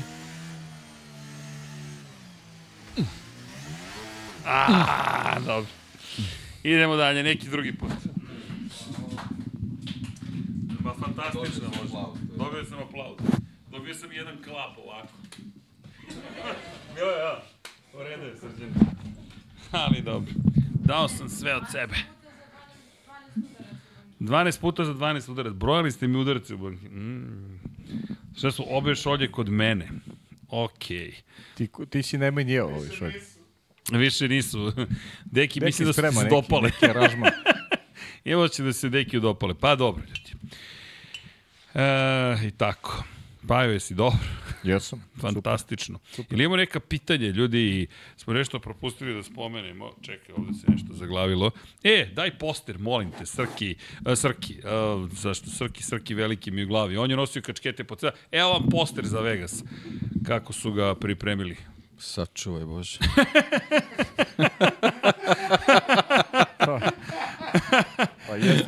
reakcija. Okej. A to je to. Pa to je to. I to je početak okej. i kraj priče. To je to. Početak i kraj priče. Au, Šta dobro. reći, a ne zaplakati. Okej. Dobro, ja sam pokušao neku zbiljnost da dam cijelo ovoj priči, ali ne vredi, ne vredi. Večeras Pa ne. stvarno mi ne ide ništa. A ne, ali ozbi, mislim, ozbiljne gluposti. Da. Do, dobro. Ja sam, zašto ja jedini to doživljam kao neki, ne znam, disko moment, Pa ne, kao ti, da si nas... poku, ti pokušaš da razumeš ovaj to. a Ja, znaš, kažem ti, to je... Možemo i svi mi da razumemo, ali ovo, znaš, kakve veze ima ovo sa, sa trkom, sa Formula 1, uopšte, nema, nema nikakve. Ali vidi, to je sve onaj neki glic, šik sa strane. Ne, očekujem ja ipak da Šta trka je sa bude. strane, ko dominira na ovom posteru? Pa... Šta je sa strane? Tigar. Ko, ko je ovde sa strane? Vrati poster. Vrati, ko- Vlado, poster za one koji su na audio platformu. Ko je ovde sa strane? Ajde, ajde, Dakle, objasni. čekaj, ko je centralno? Ovo je Carlos Sainz u sredini, je li tako? Je li da? Ovo je Sainz. Desno je George Russell, da. Zatim Tigar, Tysonov, verovato. Le, A levo- levo, je, levo je, nećemo to da komentarišemo, levo je Lewis Hamilton. Dakle, levo je Lewis Hamilton, a Las Vegas i dole je McLaren, Red Bull i Ferrari i datumi I oni su pod svetlinama reflektora i spotlightove imaju. New York, New York, Pariz, tamo u pozadini piše Shake Shack, Party, pevaju mikrofon, da, Max nije. Max je zabranio da se Max stavlja na post. Max Ne, je Max je na posteru, samo dole u A jeste, piše dole, broj da, 1. u bolidu, ali gdeba ga... Nema Aha, ga gore. dole i Charles i Lando, je li tako? Tako je, tako je, tako je. Dobro, pokrili su. A gde je ovde jedini čovek koji možda i nešto može da kaže o disku Fernando Alonso? E, Ima on šta da kaže na stazi. Ko zna da vozi hladnim gumama? On je tigar, ja, Fernando je zapravo tigar u celoj ovoj priči. Nando zna da vozi na hladnim gumama. E, pa zna. E, A Nik pobednik zna da vozi fantazi na hladnim gumama. Da, trenutno je na poziciji broj 1 ispred Paćenika. A, Indigo Trazis je na poziciji 3, a Indigo Trazis. Arija Nebeska je četvrta, Vratolomac peti, Gusio 1, šesti, sedmi MM Team, BT Racing broj 1, osmi, Raven 9, Kaiser F1 pozicija broj 10. To je vodećih 10 takmičara u našem fantaziju malom. Dobro, 11 inače je Milje F1, Vozimiško, pa Banjac, pa Vela D, Formular, All Good Always, Stargazer, DNZ Atlanta, Markito Torque F1 i SAF F1 je na poziciji broj 20. Eto, to je, da ne zaboravimo mi fantazi, da ne bude samo kada se desi rezultat na stazi, već i da podsjetimo na one koji su trenutno u borbi za poziciju vreda i prelepe pehare koje niko nikad nije pokupio, ali nema veze, to će biti wall of shame. Svi koji nisu nikada pokupili pehare. I onda puštamo kao reklamu svaki put ovako. Bo, bo, bo, bo, bo, bo. Kao Patreon? E, znaš šta možemo da pustimo kao, pa, na šta bismo mogli da, da spomenemo još jednom? Ljudi, a, mada ćemo to da spomenemo polako ali sigurno, pošto ćemo uskoro da idemo na, na zasluženi odmor, ja mislim. A, pitanje, publika, da li ima pitanje? Dobro, da li mislite da bi za Vegas mogli imati prednost Haas i Ferrari jer dobro zagrevaju gumi i obično ih sprže, a da im sada to bude prednost zbog niskih temperatura? Da, nije to loše za pažanje. Pazi, s obzirom na činjenicu da jedine podatke ima Red Bull, zahvaljujući show ranu. Ne, ali šalno na stranu, ja iskreno mislim da bi zapravo Ferrari mog, imao šta da traži u ovoj celoj priči. Zaista, meni te krivine od 90 stepeni ulivaju neku, na, ne kažem nadu, ne navijam za Ferrari, ne navijam ni za koga, ali neku veru u to da bi Ferrari mogao ovde da bude konkurentan. Sad, šta će biti s gumama? Ljudi, ne funkcioniše baš to tako linearno, zagrevamo gume. To hladno cepanje gume je zaista problematično. I pogledajte šta se dešavalo Ferrari u Brazilu. Brazil, u Brazilu su baš imali ozbiljne probleme generalno. Sad, da li će ovde imati drugačiju vrstu Ne, ne znam. Inače, Gaba Gabić pita ko će mahati zastavom. Au, Au, ne znam ko će mahati zastavom. Stvarno, mnogo kandidata, verovatno. Mnogo je kandidata za tako nešto, da. Ali stvarno nisam siguran. Dajte Verstappenu te trofeje, kažu da ih voli. da znate da bismo mogli da, da i to da uradimo. Pa ne, ozbiljno. Pa on bi bar došao po njih. E, razumete, on voli trofeje, a ovde imamo trofeje koje niko nije pokupio. Zar to isto nije bizarno na svoj način? I sad mi se upravo ugasio chat. Ali ćemo to sada da reaktiviramo, da vidimo. Aha, znam zašto se u, u, u, ugasio. Dobro. Zato što je moj telefon upravo preko koga ostao bez struje. Bez struje smo ostali. Dobro, sad ćemo i to da reaktiviramo. E, dobro, nadam se da će proraditi umeđu vremenu. Deki, možeš ti da pročitaš pitanje, molim te. A, samo da probam da... Aha, evo ga ovde. Eto, molim te. Dobro. Poslednje pitanje je bilo za gume koje sam pročitao, ali ajde da vidimo šta pitaju Čekaj ljudi. samo da, da ja pronađem gde je to. Gume, gume. Može nešto drugo, nije drama. Ja ću sad... Aha, uh, Haas i Ferrari, je li to? Da, e, posle Našao, toga. dobro, posle toga. Dobro, ovo je Moto Grand Prix, to ćemo sutra. E, Levo Frank Sinatra, u sredini Elvis, desno nemam ideje. dobro. Ko će mahati zastavom, to ste prošli. Da, ne znam stvarno ko će mahati Dobro. zastavom. Da li Lando može do pobede u Vegasu? Da. Može. Može, ali mnogo zavisi od ekipe. To je moje mišljenje, da zavisi mnogo od tog rezultata. Deki, šta ti kažeš? Dobro. Za Landa. Lando. Da. O, Nando. Na, Lando, Nando. Kada si ko ja mešaš malo Landa i Nanda. Izvini Srke ili Deki, o, šta je ovo, Deki vozi bolje od tebe. Ma, Nema što izvini, sve Dobro, je sasvim okej, u redu. Dobro. A, ovo, si, ovo, ovo si spontano pročitao. da, da, da, da. A kao, izvini, Srki. A, izvini, kao, da. Da. O, da, u samo konstatacije Deki bolje vozi. Nema pitanja, samo su... Konstatacije, Deki, Samo konstatacije, Da, konstatacije. to, Deki bolje vozi. da, da, da, dobro, dobro. Deki je bolji vozač, Deki je bolji vozač, Deki je bolji vozač. Šta ti rekao? Da, da, da, da, da. Jer Deki je najbolji vozač, Deki je najbolji vozač. E, e pa torta, najbolji Evo. vozač. Zato si ti pojeo šolje. Pa da, pa da. Molim lepo. pa- Da, da. Načeli ste svi. Ja sam E, samo Da. Dok usurio koliko sam mogao dok me šećer nije ubio, ali okej. Da ti dobro i sediš, koliko si poješ. Čekaj, nešto sam sad ispri, ispritiskao ovde po tastaturi. Ja rekao A? po torti. Da li mislite da će rivalima biti teže da pobede Maksa za titulu nego Maxu što je bilo protiv Hamiltona 21. Da, mnogo teže. Mnogo teže. Pričali smo o tome često i, i ušaju u glavi ovim vršnjacima i to ono što govorimo konstantno. Ovaj, oni, oni čak i beže od duela ovaj, na, na stazi od njega. Imam odgovor na pitanje. Što nije, što nije dobro. Izvini, od malo pre za najduži pravac.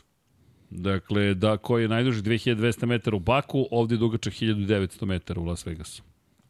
Eto, čisto da Pa znate. dobro, da, ono, vizualno je tako i delovalo. Pa da. da. je Baku onako prilično nedodirljiv po tome. Baku je Baku. Jeste, baš je, baš je impresivno. Tole ima odgovor ko će maše zastavom. Ko? Hasan Bratić. Je, Da, Pa kaže, ja, a, možda, možda Has, ali Jin Has. Da, možda. Muđela Rabijata, da li je realno da bude poredak Max Perez Alonso? I ja sam za tu trojicu, sad da li je taj poredak, ne znam, ali nekako mi ta trojica ovaj, odzvanjaju. Odzvanjaju ti, ja? šta ti kažeš? Ja kažem Lando Leclerc Čeko. Leclerc. Lando Leclerc Čeko. Ja ću da kažem Sainz, Max Norris. Nema, nema Maksa, ako, ako je među trojicom pobedit će. Ja ti kažem, tako će se raspasti trka da će juriti za pobedu i bit će drugi na kraju. Dobro. Jel može? Dobro. Ajde da ne Može, bude da može. niko nikad nije spomenuo Carlosa Sainca. Ajde. Ček da vidimo, Tom Holland je vahao ove godine u Monaku, ili tako? Aha, tražiš. Tražim, ali nemamo odgovor. Traži ih mahače. Traži mahače. Čekaj, sad ćemo da vidimo. Ma, da vidimo. E da, to smo zaboravili da napomenemo. Ali... A to ne smo da zaboravimo. A ne smemo da zaboravimo. Dakle, F1 igrica koju smo upravo igrali 23, imaćete mogućnost da se uključite u celu priču. Dakle, imaćete mogućnost da, da vozite protiv najboljeg kruga Charles Leclerca, imaćete mogućnost da vidimo od 16. do 20. novembra svi igrači globalno će imati priliku da se takmiče, samo da vidimo, um, t, t, t, t, t, star starih, dakle, a, bit će događaj u HyperX areni, će se desiti, dakle, imat ćemo mogućnost, dakle, da se prati, da vidimo, Max će učestvovati u tome, ko će učestvovati još u celoj priči, Anthony Joshua će se ponovo pojaviti, Daniel Ricardo takođe, Anthony Pa Joshua. eto. Poči iz frižidera da iskače. da, vrlo, pa dobro, pa investitor je sada u Formulu 1. Da se zna. Mora da se angažuje. Pa da. Da, da, da. A, inače, od 20. novembra do 11. decembra ćete moći da uživate u, u Ferrarijevim nekim posebnim bojama, tako da znate. A između ostalog moćete da uživate u posebnoj boji koja je, jel te, iz 70-ih, Golden Age, zato i onaj bolid Ferrari koji smo videli sa belim obeležima. Uh, dobro, dodali smo još neke informacije da ne bude igrica da je spomenuto samo kao nešto što smo iskoristili kao, jel te, scenografiju, da ne kažemo nešto drugo u pripremi, a ko bolje vozi, deki. A, dobije pesmicu prikladno. ne, ne, ne, nego to je sad apropo cijeli priče. Deki, ili imaš neki komentar, neko pitanje, nešto? Osim tog da, je, da si Da bolje si najbolji, da. to... Da. Pa nema, mislim, eto, u principu. Pored toga i šta, nema ma, nešto. Pa to je, Rest pa, my to- case. Pa šta ću ja? To je Pa tako. da, šta A, sad šta radim? sad da radim? Šta, Tako i Takva kako je. takva je situacija u životu. Šta da Ilovač? Ilovač, ni ja je ne volim, ali... Jeste. A, Pa Deki dobro, nam se ne Deki sme danas. previše. Deki je vozio od Zagreba sinoć. E da, Andrija Pa da. Savić, slušaj surovu statistiku. Kaži. 44 trke od početka 2022. I timovi koji nisu Red Bull su pobedili samo šest puta. Samo šest puta od 40 38 pobjeda Red Bulla. Potpuna, potpuna dominacija. E da, Debanđa pita zašto ne voliš nijednu dominaciju. Da li bi bolje prihvatio da Max pobedi na 22 trke od 22, ali do svake pobede dolazi žestokom borbom. Da, prihvatio bi. I prihvatio bi da, da drugi Red Bull vozi Lewis Hamilton. I ne bi mi smetla dominacija Red Bulla uopšte. Dakle, kao ona era, Sena Prost. Imaš Jasno. McLaren koji Samo je što tu dominantan. ne bi bilo dominacije. Tu bi bilo mnogo šljunka. Pa dobro, okej. Okay. E pa, e pa, to je ono što To je, Paja to govori. je poenta. To je ono Pa što da, Paja ali stalno do priča. dominacije dolaziš tako što rašistiš stvari. Pa, samo ti kažem, Ali, ali da li sumnjiš da bi bio šampion neko od njih dvojica? Ne sumnjam u to, ali ne bi bilo trka, Ne bi bilo tako. ne bi bilo trka gde, Tako gde je. će samo oni da pobeđuju. Siguran Činjenica. sam u to. Činjenica. Zapravo, da A li to je, ekipi ne treba. Zato više nikad nećemo gledamo ali ništa čekaj, Tako je. da li je od onda najmajestralnija sezona koju smo ikada gledali 1988. Tako Zašto? je, tako je. Najmajstralnija sezona je 1988. Jer si imao u istom bolidu dva moćna vozača. A pazi, nisu završavali obojica u šljunku. Dakle, samo jedan poraz su pretrpeli tokom Samo cele jedan, godine. Samo je. Zato, zato, zašto? Zato što su završili trku jedan ni drugi. E, dobro. Ni Sevan ni Prost nisu završili trku kad je Gerhe Berger pobedio. I to je bila jedina pobeda U Monci. u Monci. Da. I zato jeste najmajstralnija sezona i ne verujem da će se ikada ponoviti. I mislim Jasno. da je u toj sezoni, ako me sećanje služi, sedam krugova su vozači drugih ekipa vodili Vrlo u moguće. čitavoj sezoni. Tako je, zato što- Šest ili sedam, tako, Tako je, nešto. zato što je, Ivan recimo, u Kapeli, Monci- Berger je vodio samo poslednji krug, Post, tako je. Kapeli je vodio par krugova i ne mogu da se, tako je nešto. Ti to bolje pamtiš, ja ne, ali znam da, Da, je, da, da je u da. Monci Znam da je nešto- konkretno znam da je u finišu jednocifren broj, da. da. U finišu je Da. ovaj, trku završio, čini mi se prost, da je Sena prvi završio. Ili Šta, obrnuto. U Monci. A, prosti prvi? prvi, Pro- Sena je vodio do, do poslednjeg do kruga kraja, u da. šikani udario Jean-Louis Schlessera, koji nije trebao da vozi uopšte do trka. E, da, inače, da li znate da smo u Nišu u decembru? Sajam knjiga, eto. Eto pa je saznao si. Eto, pa jo, dakle, malo do Niša. Stvarno? E, da. Dobro, to... Evo, pitanje, to je ozbiljno. Sajam idemo onda, knjiga, ako je- Niš, ako je- ček da vidim, nisam A ni gde se znao. održava? Od 11. Pa, Pa ne, de- do- de- od 11. do... od 11. do 18. decembra. A okej, ako, ako... Nišlije? Pa gde? U Čajru. Pa to mi reci, To to, ti te kažem pitam. Čajir. kako da ne idemo u Čajir. Eto. Jedini slobodan termin u hali kada je bilo moguće organizovati sajam. To je sajam knjiga, kakve veze ima kad je. Nemam pojma. Možda bude kad hoćeš jednom mesečno. A eto, okej, okej. Dobro. Ništa, radimo na tome onda. Ništa. Eto, Ništa, da, vidimo se u Nišu. Vidimo se u Nišu. Sajam knjiga počinje krajem novembra, pa je Niš. to pomereno na decembar izgleda. Ne, sad ne razumijem, je li 26. novembar ili 4. Ok. Kad saznamo tačne datume, uh, znaćemo i mi kada ćemo biti, ali eto, to smo dobili. A Dart Dux mi je zapretio, rekao mi, ako pojedem ovu šolju, porede da će me se odreći. Darta Vadera niko pojesti ne može, osim Đorđa Lukasa, ali to je druga priča. On je, on je nejedljiv. Nejedljiv, tako je, tako je. Disney E, ga je pojeo. Disney ga je, Bravo, Disney ga je pojeo. Ja, Bravo, vlada Disney danas ima ove momente.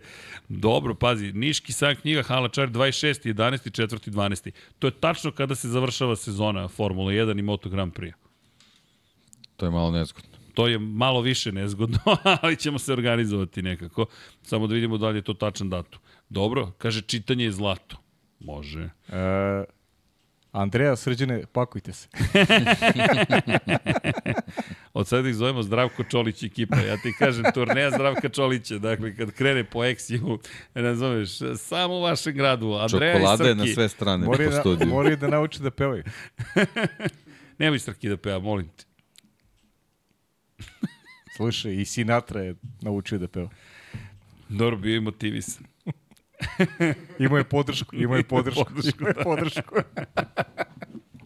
E, Dobro, je čudan podcast od početka do kraja, ali kao što si pa i rekao. Toni Ručić se javlja sa Kanara. E, Toni, Toni, bravo, Pozdrav, Toni, Toni. pozdrav. Toni sjavlja sa kanara. Pa sad si našao da se javiš sa kanare. Da li je moralo tako daleko odmoriti se od podcasta? Dragi naš Toni, Ne, da, inače, Milutin pita kako da se više ne vodi priča o promenama motora, menjača i tada, pa nisu baš bili toliko savršeni. Zato što su ove godine povećali broj dozvoljenih motora i menjača. Povećali su da četiri. Inače, Bojan Ričić kaže uh, da li ćemo dolaziti u Crnu Goru. Hoćemo, ljudi, samo da vidimo kada i kako. sa, Bez me. javite nam kad je sajam, šta se dešava u Podgorici. Pa da, napravimo kalendar neki. Napravimo kalendar, moramo pravimo kalendar kao Formula 1. Da, pa nema šta, moramo Pa da pravimo pravimo. Misliš da kalendar. se uozbiljimo, da ne bude I, samo... znači idemo na sajmove kad su slobodni vikendi. A, ha, ha, ha, ha. Da, pa kad su vikendi, Pa- vikendi pa su slobodni, nikada. ali dobro, organizovat ćemo Da. se. E, prozivam Marko za Srki, kad ćeš opet pustiti brkove? Hvala vam. Ne, e, ljudi, duvo vetar juču, prekiču u Zagrebu, zato. Ima, inače Da. ima veće brkove. A, da, da, inače je bilo fantastično. Znate koliki su bili? Ogromni. E, kaži mi, deki, nisi bio prošle Clark Gable, ti liči malo? Identičan. A? Ne, video sam ja, Mislim, ovaj, si provalio? odmah krene provejava neka ozbiljnost kad se tako pojavi Da, da, u da. studiju. Clark Gable. Vidi, po, po, pogledaj. Jeste, Obrati jeste. pažnju. Poslušaj. Pa da. To je to, pa to je to. A, To je to. pogodili smo. Na? To je to. Frankly, my dear, I don't give a damn. Za one koji ne znaju To dakle to. taj citat, molim vas, ili ti rečima Scarlett O'Hare, a tako treba i svi ljubitelji Ferrarija, pogotovo i Formula 1, tomorrow is another day. Tako da, sutra je novi dan, ko zna šta taj novi dan donosi. Jeste. I ko će Znam. da sa vihorom. Što gledaš ka meni? Ne, ne Zbog moje neka- majice, ne, jeli? Neka tebi, nego Logan Sargent možda, Ne znam, znam, pa možda to ti će kažem. da bude prohuilo sa vihorom posle. Posle... Će da maše. Logan će da maše. Pa, Logan, Logan će da maše, da. Ja. Logan će da maše. Pazite, ja, vidi, sve jače navijam za Logana. Ovih mojih 10 dolara deluje kao sve, sve bolja investicija. Imam čokoladu i na telefon. Deki, imaš čokoladu svugde, samo ne smijem da ti majice. kažem, ali imaš i po tom Samo- tigriću. kao Mr. Bean. I Samo Grand ti Prix kažem. Guide. Imamo jedan amandman, ako može. Da Deki ponese šolje ovaj... Pa vidiš šta im je učinio. Deki, Znači, šolje su tvoje. Možda ih poneseš. Hvala. ne, ali vidi, uh, Grand Prix Guide je u, u, u, Jel jeste? Čovek, nije, nije, nije, šalim se. Čovek koji je najprecizniji, inače, kon, vrlo, vrlo uredan, ja mislim da ste mu našli zapravo kriptonit. Čokolada je moj problem. Čokolada je kriptonit, definitivno za neki je kriptonit i čokolada. Za Paju je čaj.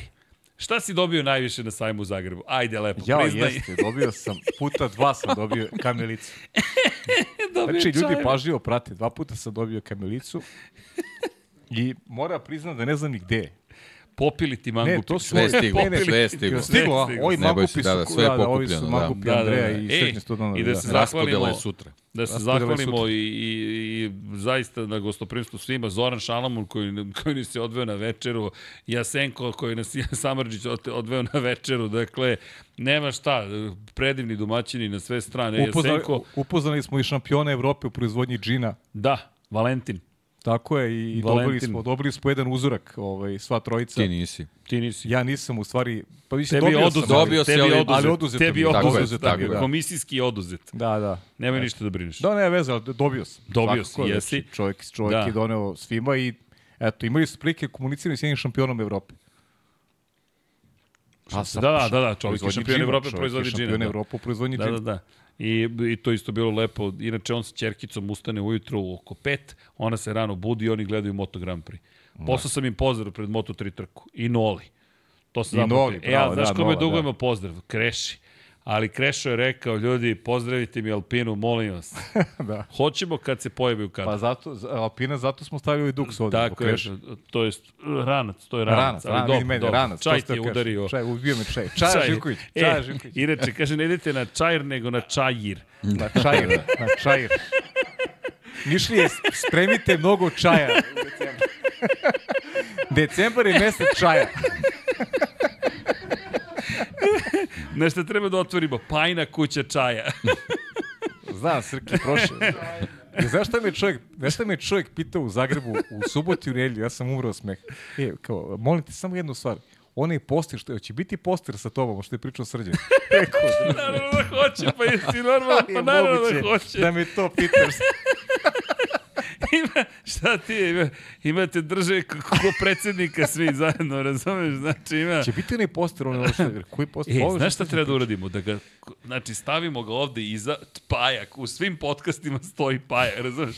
Kao predsednik, razumeš? Ovako u odelu, razumeš? Paja. Znaš, da, znaš, on, Na- Znaš šta je moja poruka? Šta je moja poruka? Pazi šta pričaš. to ste ti kažem. to ste ovde te kažem. držimo, ne možeš da, u svakoj prostoriji Infinity Lighthouse-a po jedna pajna fotka, razumeš? Kako gleda, posmatra. razumeš? Pa asocijacije mi je... Ovaj, I moramo te slikamo negde u snegu, moramo te slikamo s nekim ašovom, razumeš? To, to će da, Da, da, bude, to će da. budu postavili. Paja, Paja postavio, brigadir, Paja brigadir. Paja postavio kamen temeljac staze Formule 1. jest. Paja brigadir, Paja, Jel može? Paja pije čaj. ja mislim Paja to Paja, ne, Paja bere čaj. Bere čaj. Bere čaj. Poljuka milica. U polju kamilice, ja, vidi kako je poeta, ovaj neki je Ko poeta. sa bombonjera, A pa je šta. samo hteo da Ja, miriše mi se, kamilicu. ja, znaš šta mi se javlja? Javlja mi se da piše novu knjigu, znaš, Podcast Poetik. Pajen Čajir. pa čajir, Pa i JJ. čajir.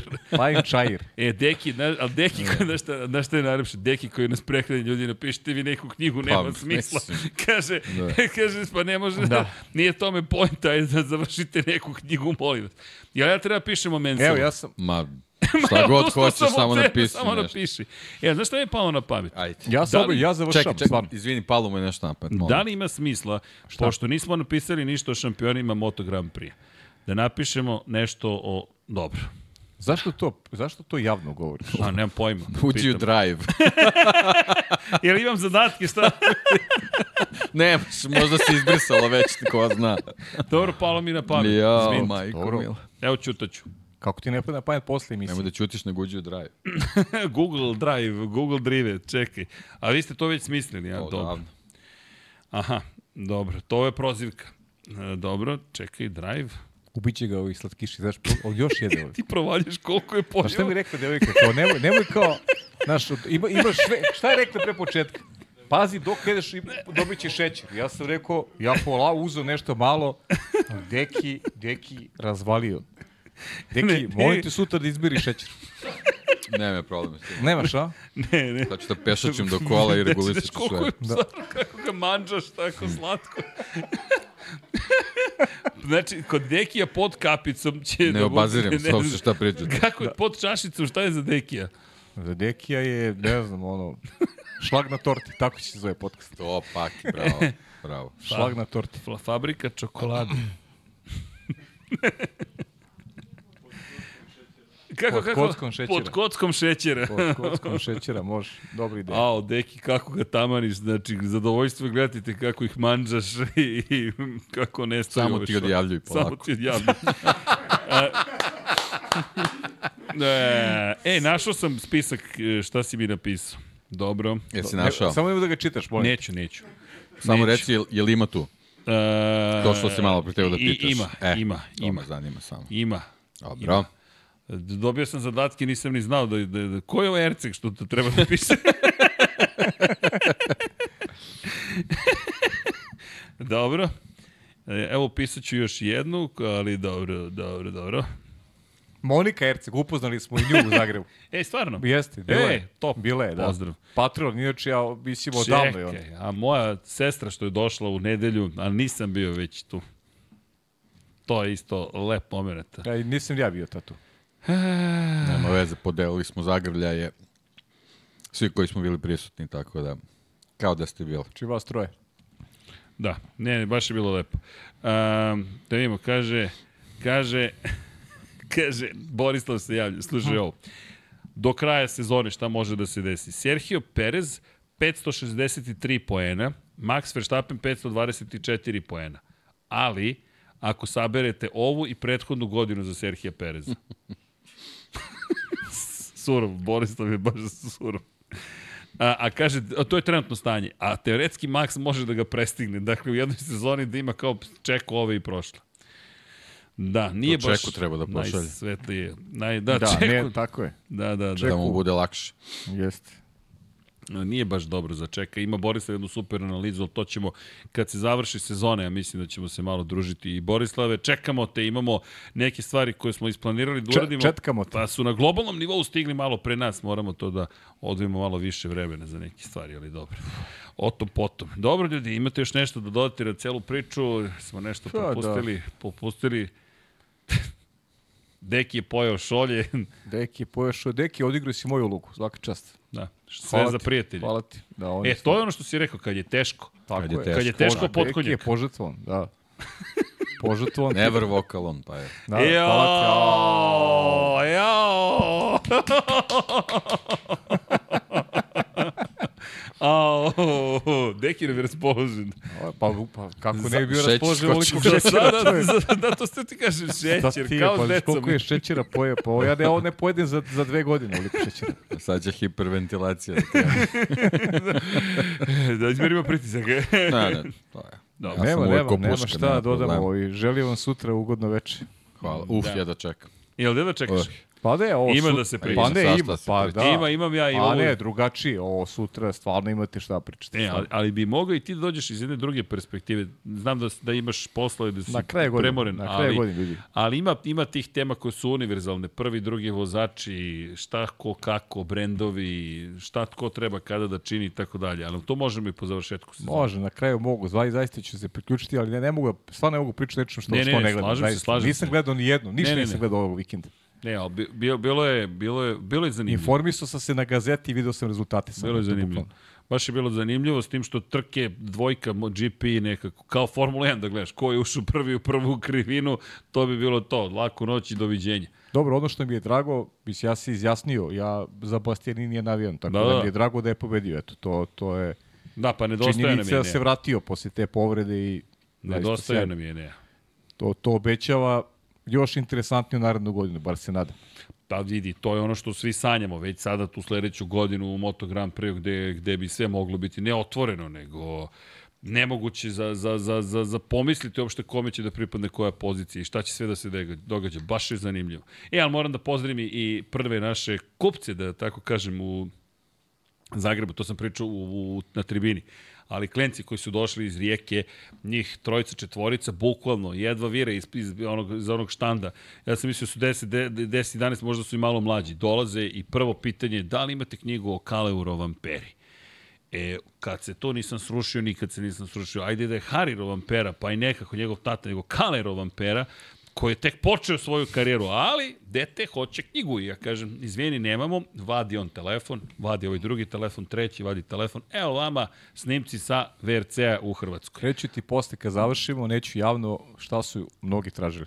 A, dobro, Da, da ne otkrivam ideje. dobro. Znaš. I sad dolazi druga situacija, pa i sad ovo.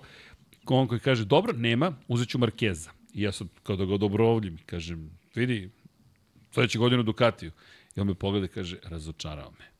I ja kažem, ok, ovo je momak sa stavom, jasnim vrlo i idemo dalje. Njegov drugar je samo pogledao i rekao, ja ću uzeti Rosija.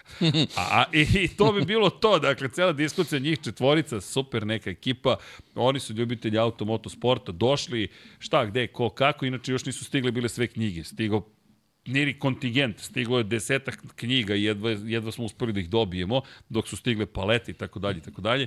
Hvala ekipi iz Begina ponovo za pomoć. Ali ljubav prema, prema Rosiju i ovom čoveku ovde, to je nešto Prema što je, Kimiju? što je univerzalno. Da, da, Kimi i Rossi Rossi. i Kimi.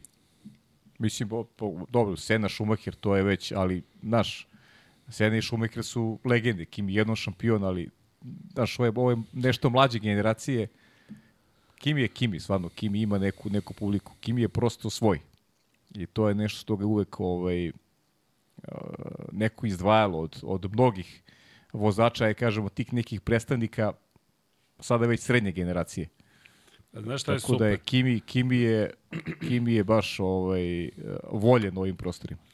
Zanimljivo mi je bilo na konstataciju, to je, to je neka vrsta podnaslova, prva i posljednja odobrena knjiga Kimi Jeste. Raikonenu i svi su rekli, to je tako Kimi. On je jednom autorizovao knjigu i više se time neće baviti. Pa da. To je to. Dakle, ovo je priča o meni, nema šta dalje da se priča o meni, završio sam karijeru, ljudi, i idemo dalje.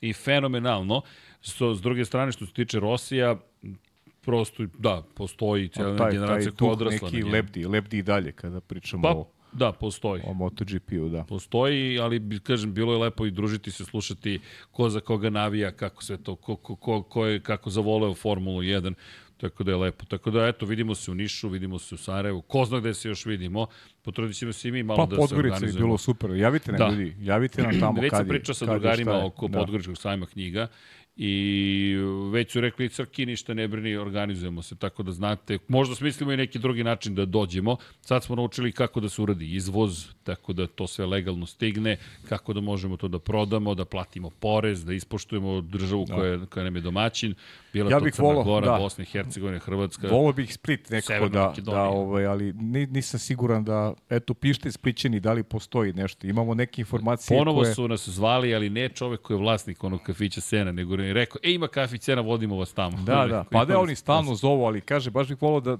da imamo pravu informaciju da li postoji nešto tog Evo ti tipa ideja. sajma ili ne. A što ne bismo se raspitali neki kulturni centar, a ga, galerija neka, ponesemo lepo, to moramo da imamo privremeni izvoz kako se radi fotografije, što dakle Valentina Rosija, što Formula 1 Monako paralele i prosto možda nemamo sve, pošto je dosta toga prodato, ali da napravimo neku vrstu druženja na kulturnom Ajde, nivou i ajde, kažemo, ajde, ajde. vidimo se tamo. Može i tako. Eto, može to su tako. neka razmišljanja i naravno kud idioti. Ako poziv još uvek važi. Ako nisu pogledali podcast i rekli, au, Au, vi ste stvarno idioti. Tako da znate, eto, možda se vidimo i u Puli. Ko zna, dokolica nas e, svakako ne napušta. E, Deki, Pajo, neka završna reč, cenjeni, ili imamo kvorum da zatvaramo da, današnje da, druženje? da. Bože. Zimski bioskop Viva Las Vegas. Viva Las Vegas. Bukvalno Viva Las Vegas. Da, ajde, ja, oh, dobro, ču, evo, pokušat ću da ćutim. Ali ne mogu, ljudi. Ajde. Biće super, ljudi, gledajte, šta da vam kažem, Formula 1, biće fantazija, ima da smislimo neku priču ako ne bude bilo priče, samo da se lepo zabavimo, ej, zatvara se sezona, meni nekako stalo da ove dve trke, a, baš bude uzbudljivo, jer vidi, posle toga imamo čitavih dva meseca do sledeće trke, čitava dva meseca do sledeće A trke. nije, tri je realno, Srki. Decembar, januar, pa dobro, februar, pravo A si, realno tri je tri meseca, tri, tri. Tri meseca. 3-3. Ali dobro, mi ćemo i dalje biti tu i dalje ćemo raditi. Tako da imamo Mi raznih gradimo mostove, mi radimo, mi, mi nestajemo. Tako je, ti kažem da ćeš Smo- dobiti mi fotografiju udarnici. ovde iza uramljenu, dakle, ima, dobiješ uramljenu Nema fotku. odmora, nema spavanja. Ili imaš odelo neko? Ja sam rođen u odelu.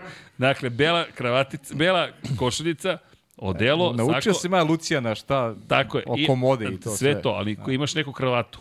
Naravno. E, i kravatica da te fotografišemo kako treba i da lepo stojiš u svakom uglu. da, profesor, doktor Pavle Živković. Čaja Živković. Časlav Živković, umetničko ime. Časno. Časlav Čaja. Da, dobro. E, Da, da ne dužimo više, da, se pozdravljamo polako ali sigurno. Ja se nadam da ovi ljudi koji nisu još uvijek pobegli iz studija su se lepo zabavili sa nama. Ja se nadam da ste se zabavili i oni koji su ispred svojih ekrana, televizora, gde god da se nalazite ljudi. No, malo drugačiji podcast ovoga puta, ali šta je drugačije? To smo mi danas. O, ovo je naše raspoloženje, naša energija. Ovo je ponedeljak 13. Pe, ponedeljak 13. Šta to znači? dakle, 13. novembar 2023. Srećom 14. se vraćam kući.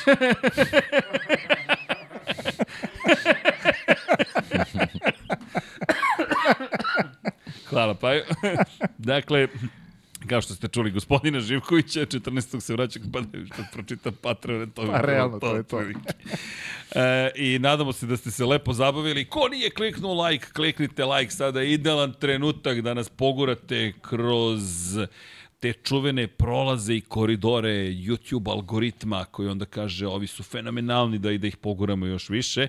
Ali kada pričamo o koridorima, sad mi je nažalost palo nešto što na pamet iz Las Vegasa moram da spomenem, a to je baš tragično.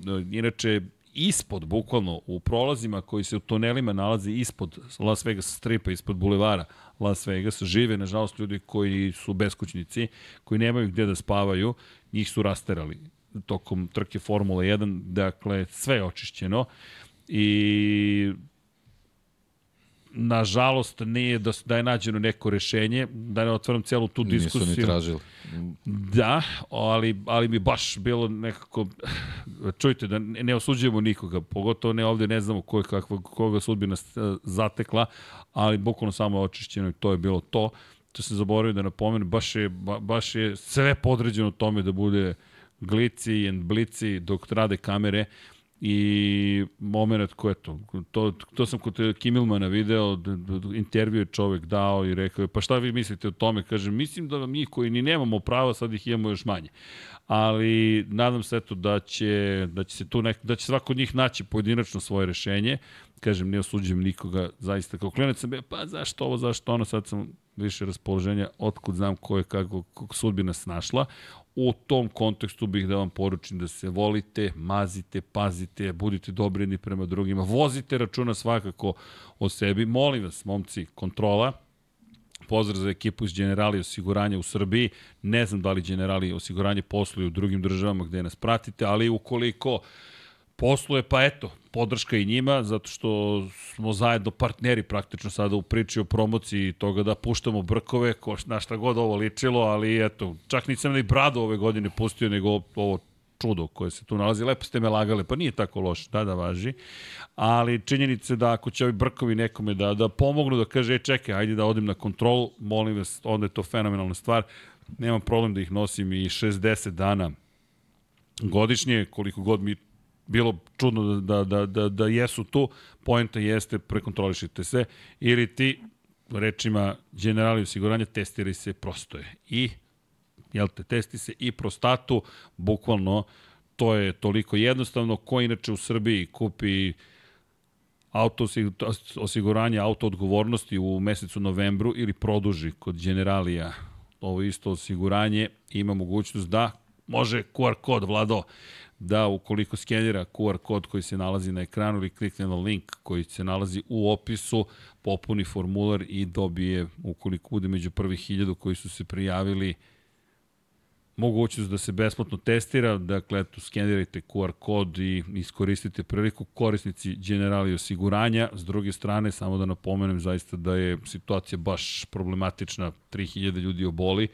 od ovog raka, to jest od raka da li testi da li prostate godišnje u Srbiji, hiljadu, nažalost, premine i to su poražavajući podaci, a nažalost nema baš nekog lakog načina da saznate osim da odete da se prekontrolišete. I ne bih nikoga da plašim. Pojenta je ljudi da ste vi potrebni svojim voljenima pre svega, pa sebi ste valjda potrebni. Nije tako teško da malo budemo, jel te, revnosni prema sebi i da uradimo neke stvari koje to traže jedno popodne da odvojimo i da kažemo ček da vidim da li je sve okej. Okay. Dakle, testiraj se, prosto je, a hvala ekipi iz Generali osiguranja generalno za podršku, pošto su nas takođe podržali, nama to svakako znači, kao što ste videli, potrošili smo pare da odemo u Zagreb, potrošit ćemo da odemo u Niš, ali činjenica, evo, rećem i iz perspektive e, nekog ekonomskog, finansijskog uspeha, zaista je za nas odlazak u Zagreb pre svega emotivan, ali finansijski bio fenomenal, ne, ne šta da vas lažemo, toliko je knjiga rasprodato da je to zaista bilo fascinantno, tako da nama to puno znači, puno pomaže, istovremeno sam, sama ideja da su knjige koje smo mi radili, koje Deki pisao negde kod vas u vašim domovima, inspirativno. Inače, ovaj drugi tiraž Deki, ili tako, Šumacherov koji je rasprodat. Deki ni ne zna! Evo da znate, 2000 primjeraka Šumachera rasprodato. Da 2000 primjeraka, mislim da i Sena sada kompletan drugi tiraž rasprodat, to je 2000 primjeraka, mi ćemo sada štampati još po hiljadu, tako da znate, deki, šta da ti kažem, svaka čast. Nema šta, Hvala nema svima, šta, šta, šta da možemo da kažemo. Stvarno je lep osjećaj i mnogo je divan taj moment. Kada je reč o šampionima, kako je krenulo, izgleda ćemo i njih da štampamo, nadam se da će tako biti, zato što je stvarno fenomenalna knjiga, jeste je čekali, ali verujte vredi, oni koji su je naručili još uvijek je čekaju, mi sad to već rešavamo, sama kartom ćemo započeti saradnju, dok rešimo papirologiju, među vremenu imamo neku akciju jel te, gerilsku koju ćemo da izvedemo da što pre neki od vas dobiju knjige i u to ime polako li sigurno da pozdravimo sve koji nas podržavaju shop.infinitylighthouse.com ukoliko želite da kupite vreme praznika imaćemo Black Friday da znate koji će biti tokom subote, nedelje i ponedeljka jel dolazi Cyber Monday Tako da eto, da znate da će biti i taj moment, da, da vas ne lažemo i potrudit ćemo se zaista da bude još lepih knjiga, još lepih stvari, s tim što nećemo baš da otkrivamo sve što smo smislili, Mada sam ja otkrio nešto što nisam znao da sigurno. Smislili. Njih dvojica neće sigurno. Uveren sam u to. Kako, 100%. kako su me pogledali. A dobro, činjenica... Vlado, budi tamo, znaš, kao da imaš pedalu gasa, treba da je, znaš, ideš, ide, približavati se krivina. Ako počne pričati nešto, ti odmah prekidaj. Samo da se vidi kako... Ali mikrofon ne radi. Znaš, klasičan mute dugme. Znači, je, vidim da, mu malo, malo mu fali da, da ispriča. Dobro, dobro, ali čuto, da, začuto sam. Dobro. Jesam začuto, jesam začuto sam, pušte, molim. Pušte Patreon, ajde. Ne, u svakom slučaju, ljudi, šalno stranu, hvala vam pre svega.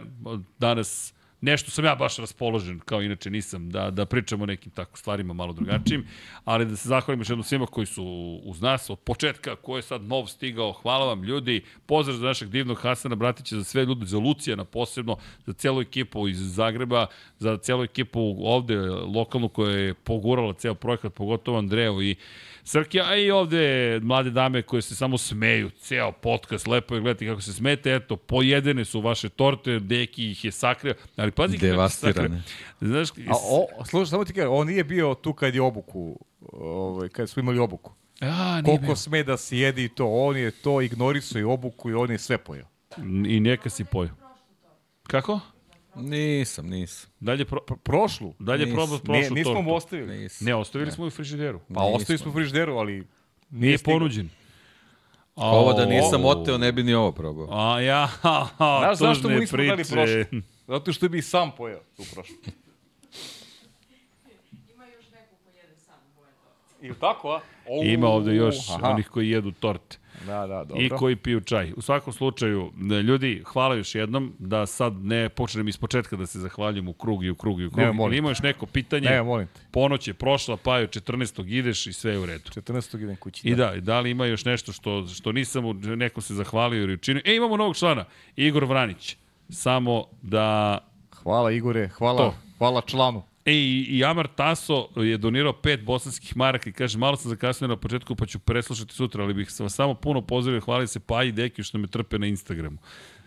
Tamo posle. Naravno, to, to Tamo posle, druže. zadovoljstvo nam je. E, da. E, ljudi, Mario Krojevo, još jedno pitanje za El Plan, vaše mišljenje, da li je Alonsova sledeća sezona? Jeste. Ima, da li je poslednja? Ne znamo da li je poslednja, ali bih volao da bude njegova baš onako lepa neka sezona. Mogla ovo da bude dobro, da bude među vodećom trojicom. Ne vidim titulu, ali mislim da će e, da će da će se ipak desiti nešto tu pozitivno. Inače, kaže Ivan Cule, doći ćete vi u Tivat na sajam. Ljudi, gde god nas primate, doći ćemo da se Ako družimo. ima, može. I da, pita Aleksandar da li će za vikend sada biti prenosa MotoGP-a u Gastro Šoru. Ne znamo gde dokle su stigli radovi. Moramo da proverimo jer nismo bili fizički tu. Samo da imamo u kakvom stanju je jel te, situacija dole, pa vam javljamo sve bez brige. A, ponoće, neka Paja ostane sam, vreme je za pod čašicom. U to ime, dragi naši, ja ću da nazdravim vodom iz Darth Vader šolje, Deki će da nazdravi šećerom iz šećerne šolje. Vode više nema. vode više, pa nije ni čudo, moraš da preživiš uh. nekako. Paja pije čaj. Ljudi, mi vas volimo, vodu, šaljemo puno Puno pozdrava i da li mogu knjige da se plate pouzećem? Naravno da mogu. Ko kupuje u Srbiji, dakle nema carinske dažbine, ko ne kupuje, nažalost čeka vas carine, tako da znate. A kaže Snake, daj Bože da Alonso uzme kao lauda na kraju karijere titulu. Ako potpiše za Red Bull, možda i uspe, ali za sada bojim se da se to neće desiti. U svakom slučaju, ljudi, bilo je ovo 361. izdanje. Nemam pojma, toliko sam umoran ovih dana da ne znam više ni šta smo pričali, ni šta nismo, ali poslušat ću možda sutra ponovo, pa sve iz početka. U svakom slučaju, hvala vam svima, ljubite se, mazite se, pazite se, volite se, budite dobri, vozite računa jedni u drugima, a mi se vidimo sledeće nedelje. Umeđu vremenu, da pozdravimo sve naše članove i patrone. Ko želi da nas podrži na YouTube-u može da klikne join ili da se učlani ili kako god šta god da piše na kom god jeziku da pratite YouTube. Postanite ne samo pretplatnik, subscriber, već i član i time nas još više podržavate. U svakom slu- slučaju, veliki pozdrav u time cijele ekipe Lab 76 Infinity Lighthouse. Vidimo se za desetak minuta, a do tada, nadam se, jel imamo nove, nove Patreone?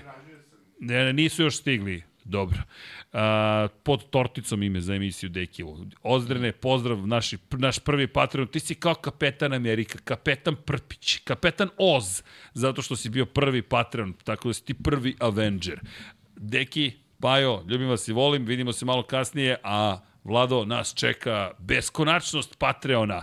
Goša 46, Mlađan Antić, Ivan Rebac, Inzulin 13, ovo je novi spisak. Nemanja Zagorac, Zoran Cimeša, Stefan Vuletić, Aca 43 zla, Aleksandar Čučković, Stefan Dulić, Safet Isljami, Zoran Majdov, Alen Stojčić, Matej Sopta, Boris Radović, Đorđe Radojević, Bojan Majstorović, Hrvoje Lovrić, Anonimus Donatorus, Dragan Matić, Darko Trajković, Boris Kujundžić, Milan Ristić, Ognjen Ungurjanović, Luka Martinović, Đole QB4, Denis Špoljarić, Marin Antunović, Antonio Novak, Toni Ruščić, Blufonac, Branislav Dević, Benjo KK, Nemanja Miloradović, Marina Mihajlović, Jeca N. Stefan, Ivan Panajotović, Nenad Pantelić, Vučinić Miroslav, Jelena Mak, Laslo Boroš, Jovan Đodan, Ivan Ciger,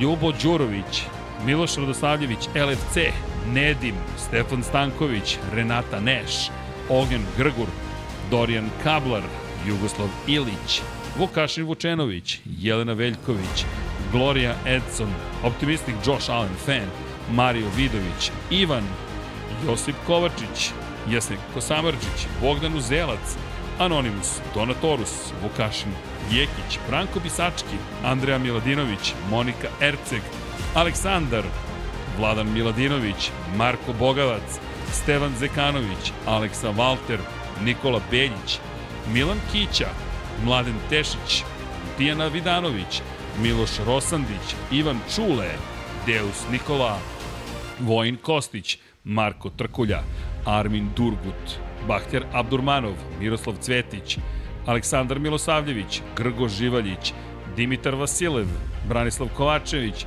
Luka Klaso, Boris Gvozden, Šefko Ćehić, Živojin Petković, Marko Radanović, Marko Ćurčić, Aleksa Jelić, Ivan Sović, Dejan Đokić, Peđa Janković, Vladimir Petković, Ružica Stefanović, Vambli Sapa, Stefan Prijović, Aleksandar Bobić, Nikola E, Ivan Maksimović, Anonimus Donatorus, Ivica, Ivan Milatović, Luka, Džigi Pao, Stefan Lešnjak, Ivan Maja Stanković, Erton Prelić, Stefan Ličina, Mladen Mladenović, izvinite, Andrej Božo, Strahinja Blagojević, Emir Mešić, Petar Nujić, Danka, Matija Binotto, Dejan Avić, Žarko Milić, Lj. Đurović, Andrija Todorović, Kovačević, Omer, Marko Kozić, Zoltan Mezeji, Stefan Vidić, Đorđe Andrić, Ljiljana Milutinović,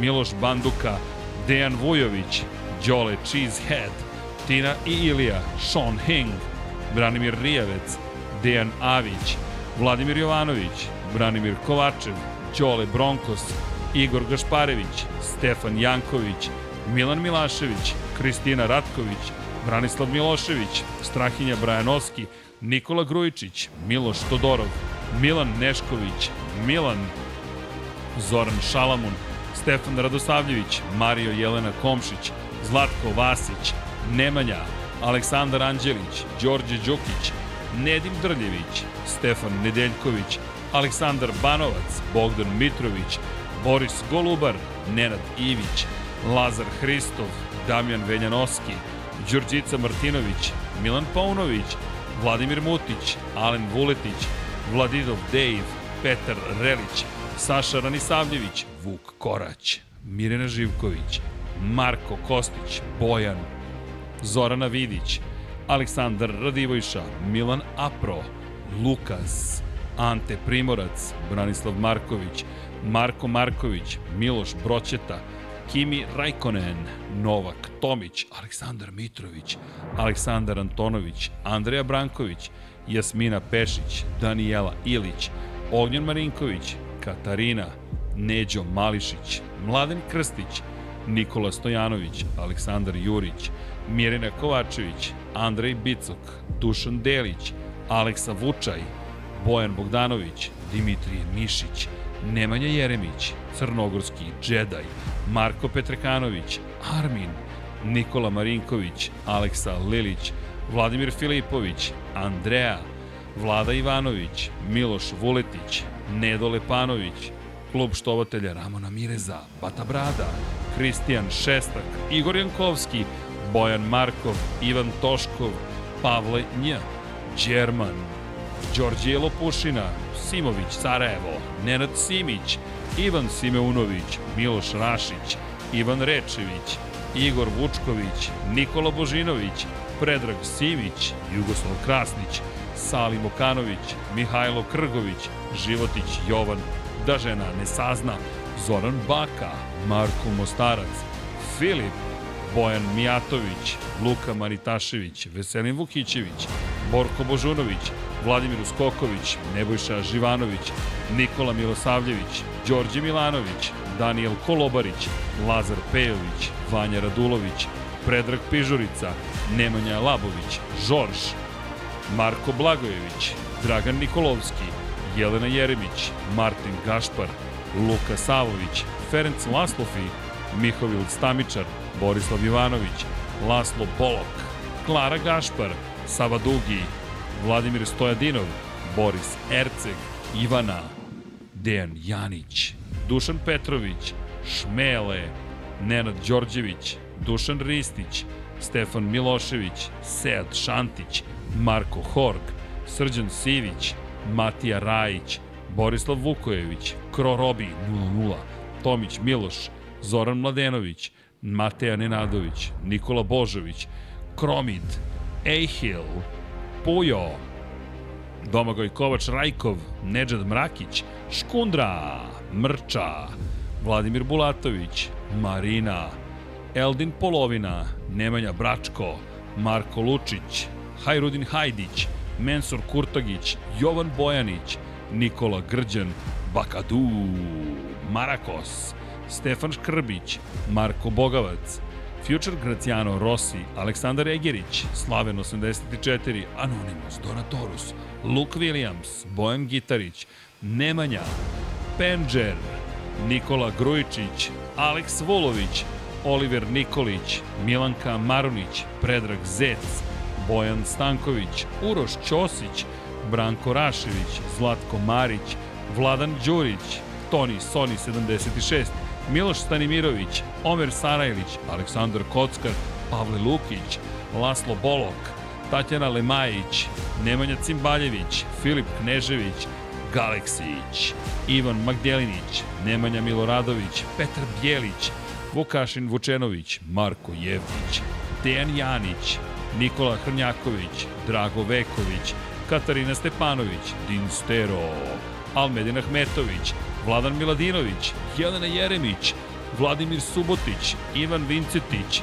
Milan Knežević, Milorad Reljić, Bojan Markov, Srđan Ćirić, Ivan Hornjak, Nikola Adamović, Almir Vuk, Dejan Plackov, Plackov, Saša Stevanović, Konstantin Mlinarević, Ivan Vujosinović, Nikoleta Minić, Đera 7, Vlada Ivanović, Mile Supodinov Ristov, Uroš Čuturilo, Peja MD, Bruno Jurić, Ada Sokolović, Blagoj Ačevski, Aleksandar Jokić, Aleksandar Radivojša, Igor Ninić, Đorđe Janjić, Amar Taso, Nikola Vulović, Ivana Vesković, Zoran Baka, Ivan Božanić, Mađar 007, Alen Jesenović, Vuk, Marko Stojilković, Žika Sul, Jovan Bajić, Aleksandar Stojković, Edin Ustavdić, Marko Pavić, Vojislav Tadić, Miloš Zed, LFC, Josip Buljovčić, Ljiljana Milutinović, Ivor M, Aleksandar P, Vladimir Vujičić, Resničanin i to bi bilo to. Huu, čekaj, ja imam aplauz za sve ove ljude. Koliko Bravo. ljudi, ej, Kung Fu, okej, Ovo je bila najava velike nagrade Las Vegasa, nasledice velike nagrade kazina Caesars Palace ili ti Cezarova palata. U svakom slučaju nismo na parkingu, ovoga puta smo na bulevaru, pa da vidimo ko će biti najbolji. Nadamo se da nećemo voziti na 5 stepeni Celzijusa, a i ako budemo vozili, bit će zabavno, jer to je Formula 1 i dobili smo kritike da idu u Rikverc, hvalite čak i sprint, ok, ne moramo da ga hvalimo, ali hvalimo što se Formula 1 u svakom slučaju pojavila. Pajo, znaš da te volim, Deki, znaš da te volim, Ova torta zna da je voliš, tako da sve Obe, kako obe, treba, obe, obe obe. da Katarina, hvala ti. Može Hvala. četvorkica. Vlado, mi vas pozdravimo i cele ekipe i kažem vam naravno Ćao. Ćao